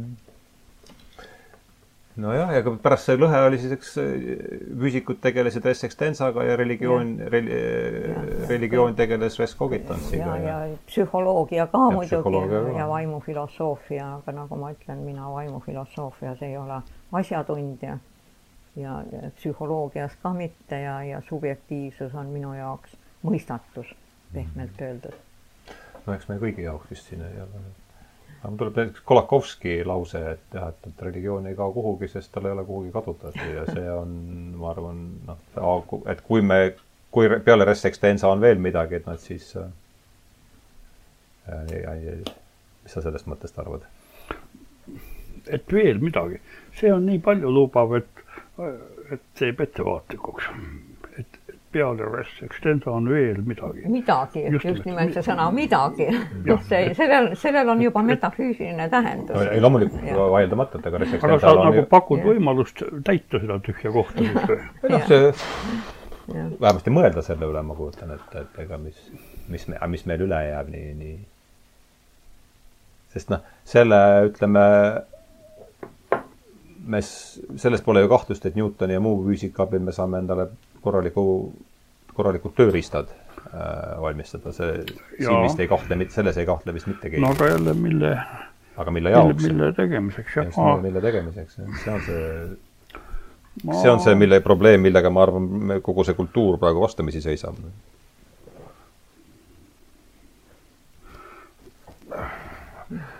mõni, mõni, mõni mõni autoriteet mul on või selline, kelle nõuannet ma kuulda võtan, üks neist on see ameeriklane Davidson. aa, sellest saad rääkida ja, korda, jah? et, et ja tema, Donald. Donald Davidson, just. nagu tema on eesti keeles on ka üks ja, üks tüse, tüse, tüse ja, ja, ja seal on mõned väga kaunis olulised just selle asja kohta ka, mille, mille kohta ma ütlen, et, et tema on no nii, aga sa räägi, räägi edasi. no ta on tõlkis, Anto Unt tõlkis. ei, see on palju, sest see on nii paks, et seal nad tegid meeskonnatööd. Anto muidugi, aga ja, seal on veel Kangilask ja, mhm. nõnda, et, et, et ta on nagu just see res, res extensa suhtes on ta materjalist ja nii nagu aga lisaks sellele see vaim on ka keeleline nähtus ja, ja keelelises mõttes ei ole see kõne vaimust taanduv füüsikalisele kõnele, nii et ta ise ütleb, et olemise mõttes ma olen materjalist mm, -hmm. aga keele mõttes olen ma dualist, need kaks keelt mm, -hmm. keel, kõnelemine vaimust ja kõnelemine kehast ei ole taanduvad teineteisele Mm -hmm. ja tal on. huvitav mõte, jah. tal on sihuke üks, üks artikkel, mille nimi on Mental Events, eh, mis on selles ka tõlgitud, need vaimusündmused on selles. kas temal oli see Soomehe, see? ka Soomehe lugu on, on temal jah, see see, mis pärast molekulidest kokku pandud uus mees ei, ei mõtle samu mõtteid kui see esialgne mees. aga, aga see mulle tundub kaunis usaldusväärne, see või vähemalt pakub kaitset, kaitset tuliseks läinud diskussioonidest, sest tõesti, see vaim, meie vaim on siiski, ta on ju argikeele või tavakeele mõiste, mis on mis on pärit sellest ajast, kui arvati, et inimene mõtleb vahelihasega ja inimene mõtleb maksaga ja südamega ja alles umbes Platoni ajal hakkas inimene ajuga mõtlema. tähendab, mõtlemine on midagi sellist, mida saab teha vahelihasega. ja nüüd otsida ajust sellele lahendust, no ilmselt see ei ole, ülesanne ei ole püstitatud nende seadmete, see tähendab siis aju uurimise seadmetele vastavalt see, see tundub mulle, mina suudan selle argumendi enese jaoks äh, noh, vastuvõetavaks mõelda. see Davidsoni nimi on nii mitu korda tulnud meil omavahel jutuks, et selle no, peaks vaatama. ma kogemata kui ma sinna Saaremaale sõitsin. aga kena, nüüd on küll kaks tundi täis ja, ja me ei saa ka kuulajate vastu, et tundub, et seal võiks kusagil see piir olla, et et tuhat tänu teile, et kahjuks ei tulnud otsesaadet välja, aga seda tuhat tänu teile ja, kõigile neile, kes on selle saate teinud võimalikuks, et, ma järjest enam tunnen, kui palju sealt minule on sellest olnud kasu, nendest vestlustest, täitsa praktilises mõttes. ja oleme siis eetris loodetavasti otsesaatega sel neljapäeval, kui on siis kaks, kaheks külaliseks, siis me oleme stuudios ja sealt me saame tõenäoliselt ka otse-eetrisse, on Robert Kitt ja, ja Jaan Kalda. Ja räägime Svetlana, jällegi lähtepunktiks on Svetlana Aleksejevitši raamat, raamat Tšernobõli põlve, Tšernobõli palve, mida ma olen nüüd ka lugenud, mille ma olen, mida ma olen lugenud ja mis jättis mulle väga sügava mulje. et äh, aitäh teile, Piret ja Jaan ja, ja aitäh, Riko. ja siis head pärastlõunat.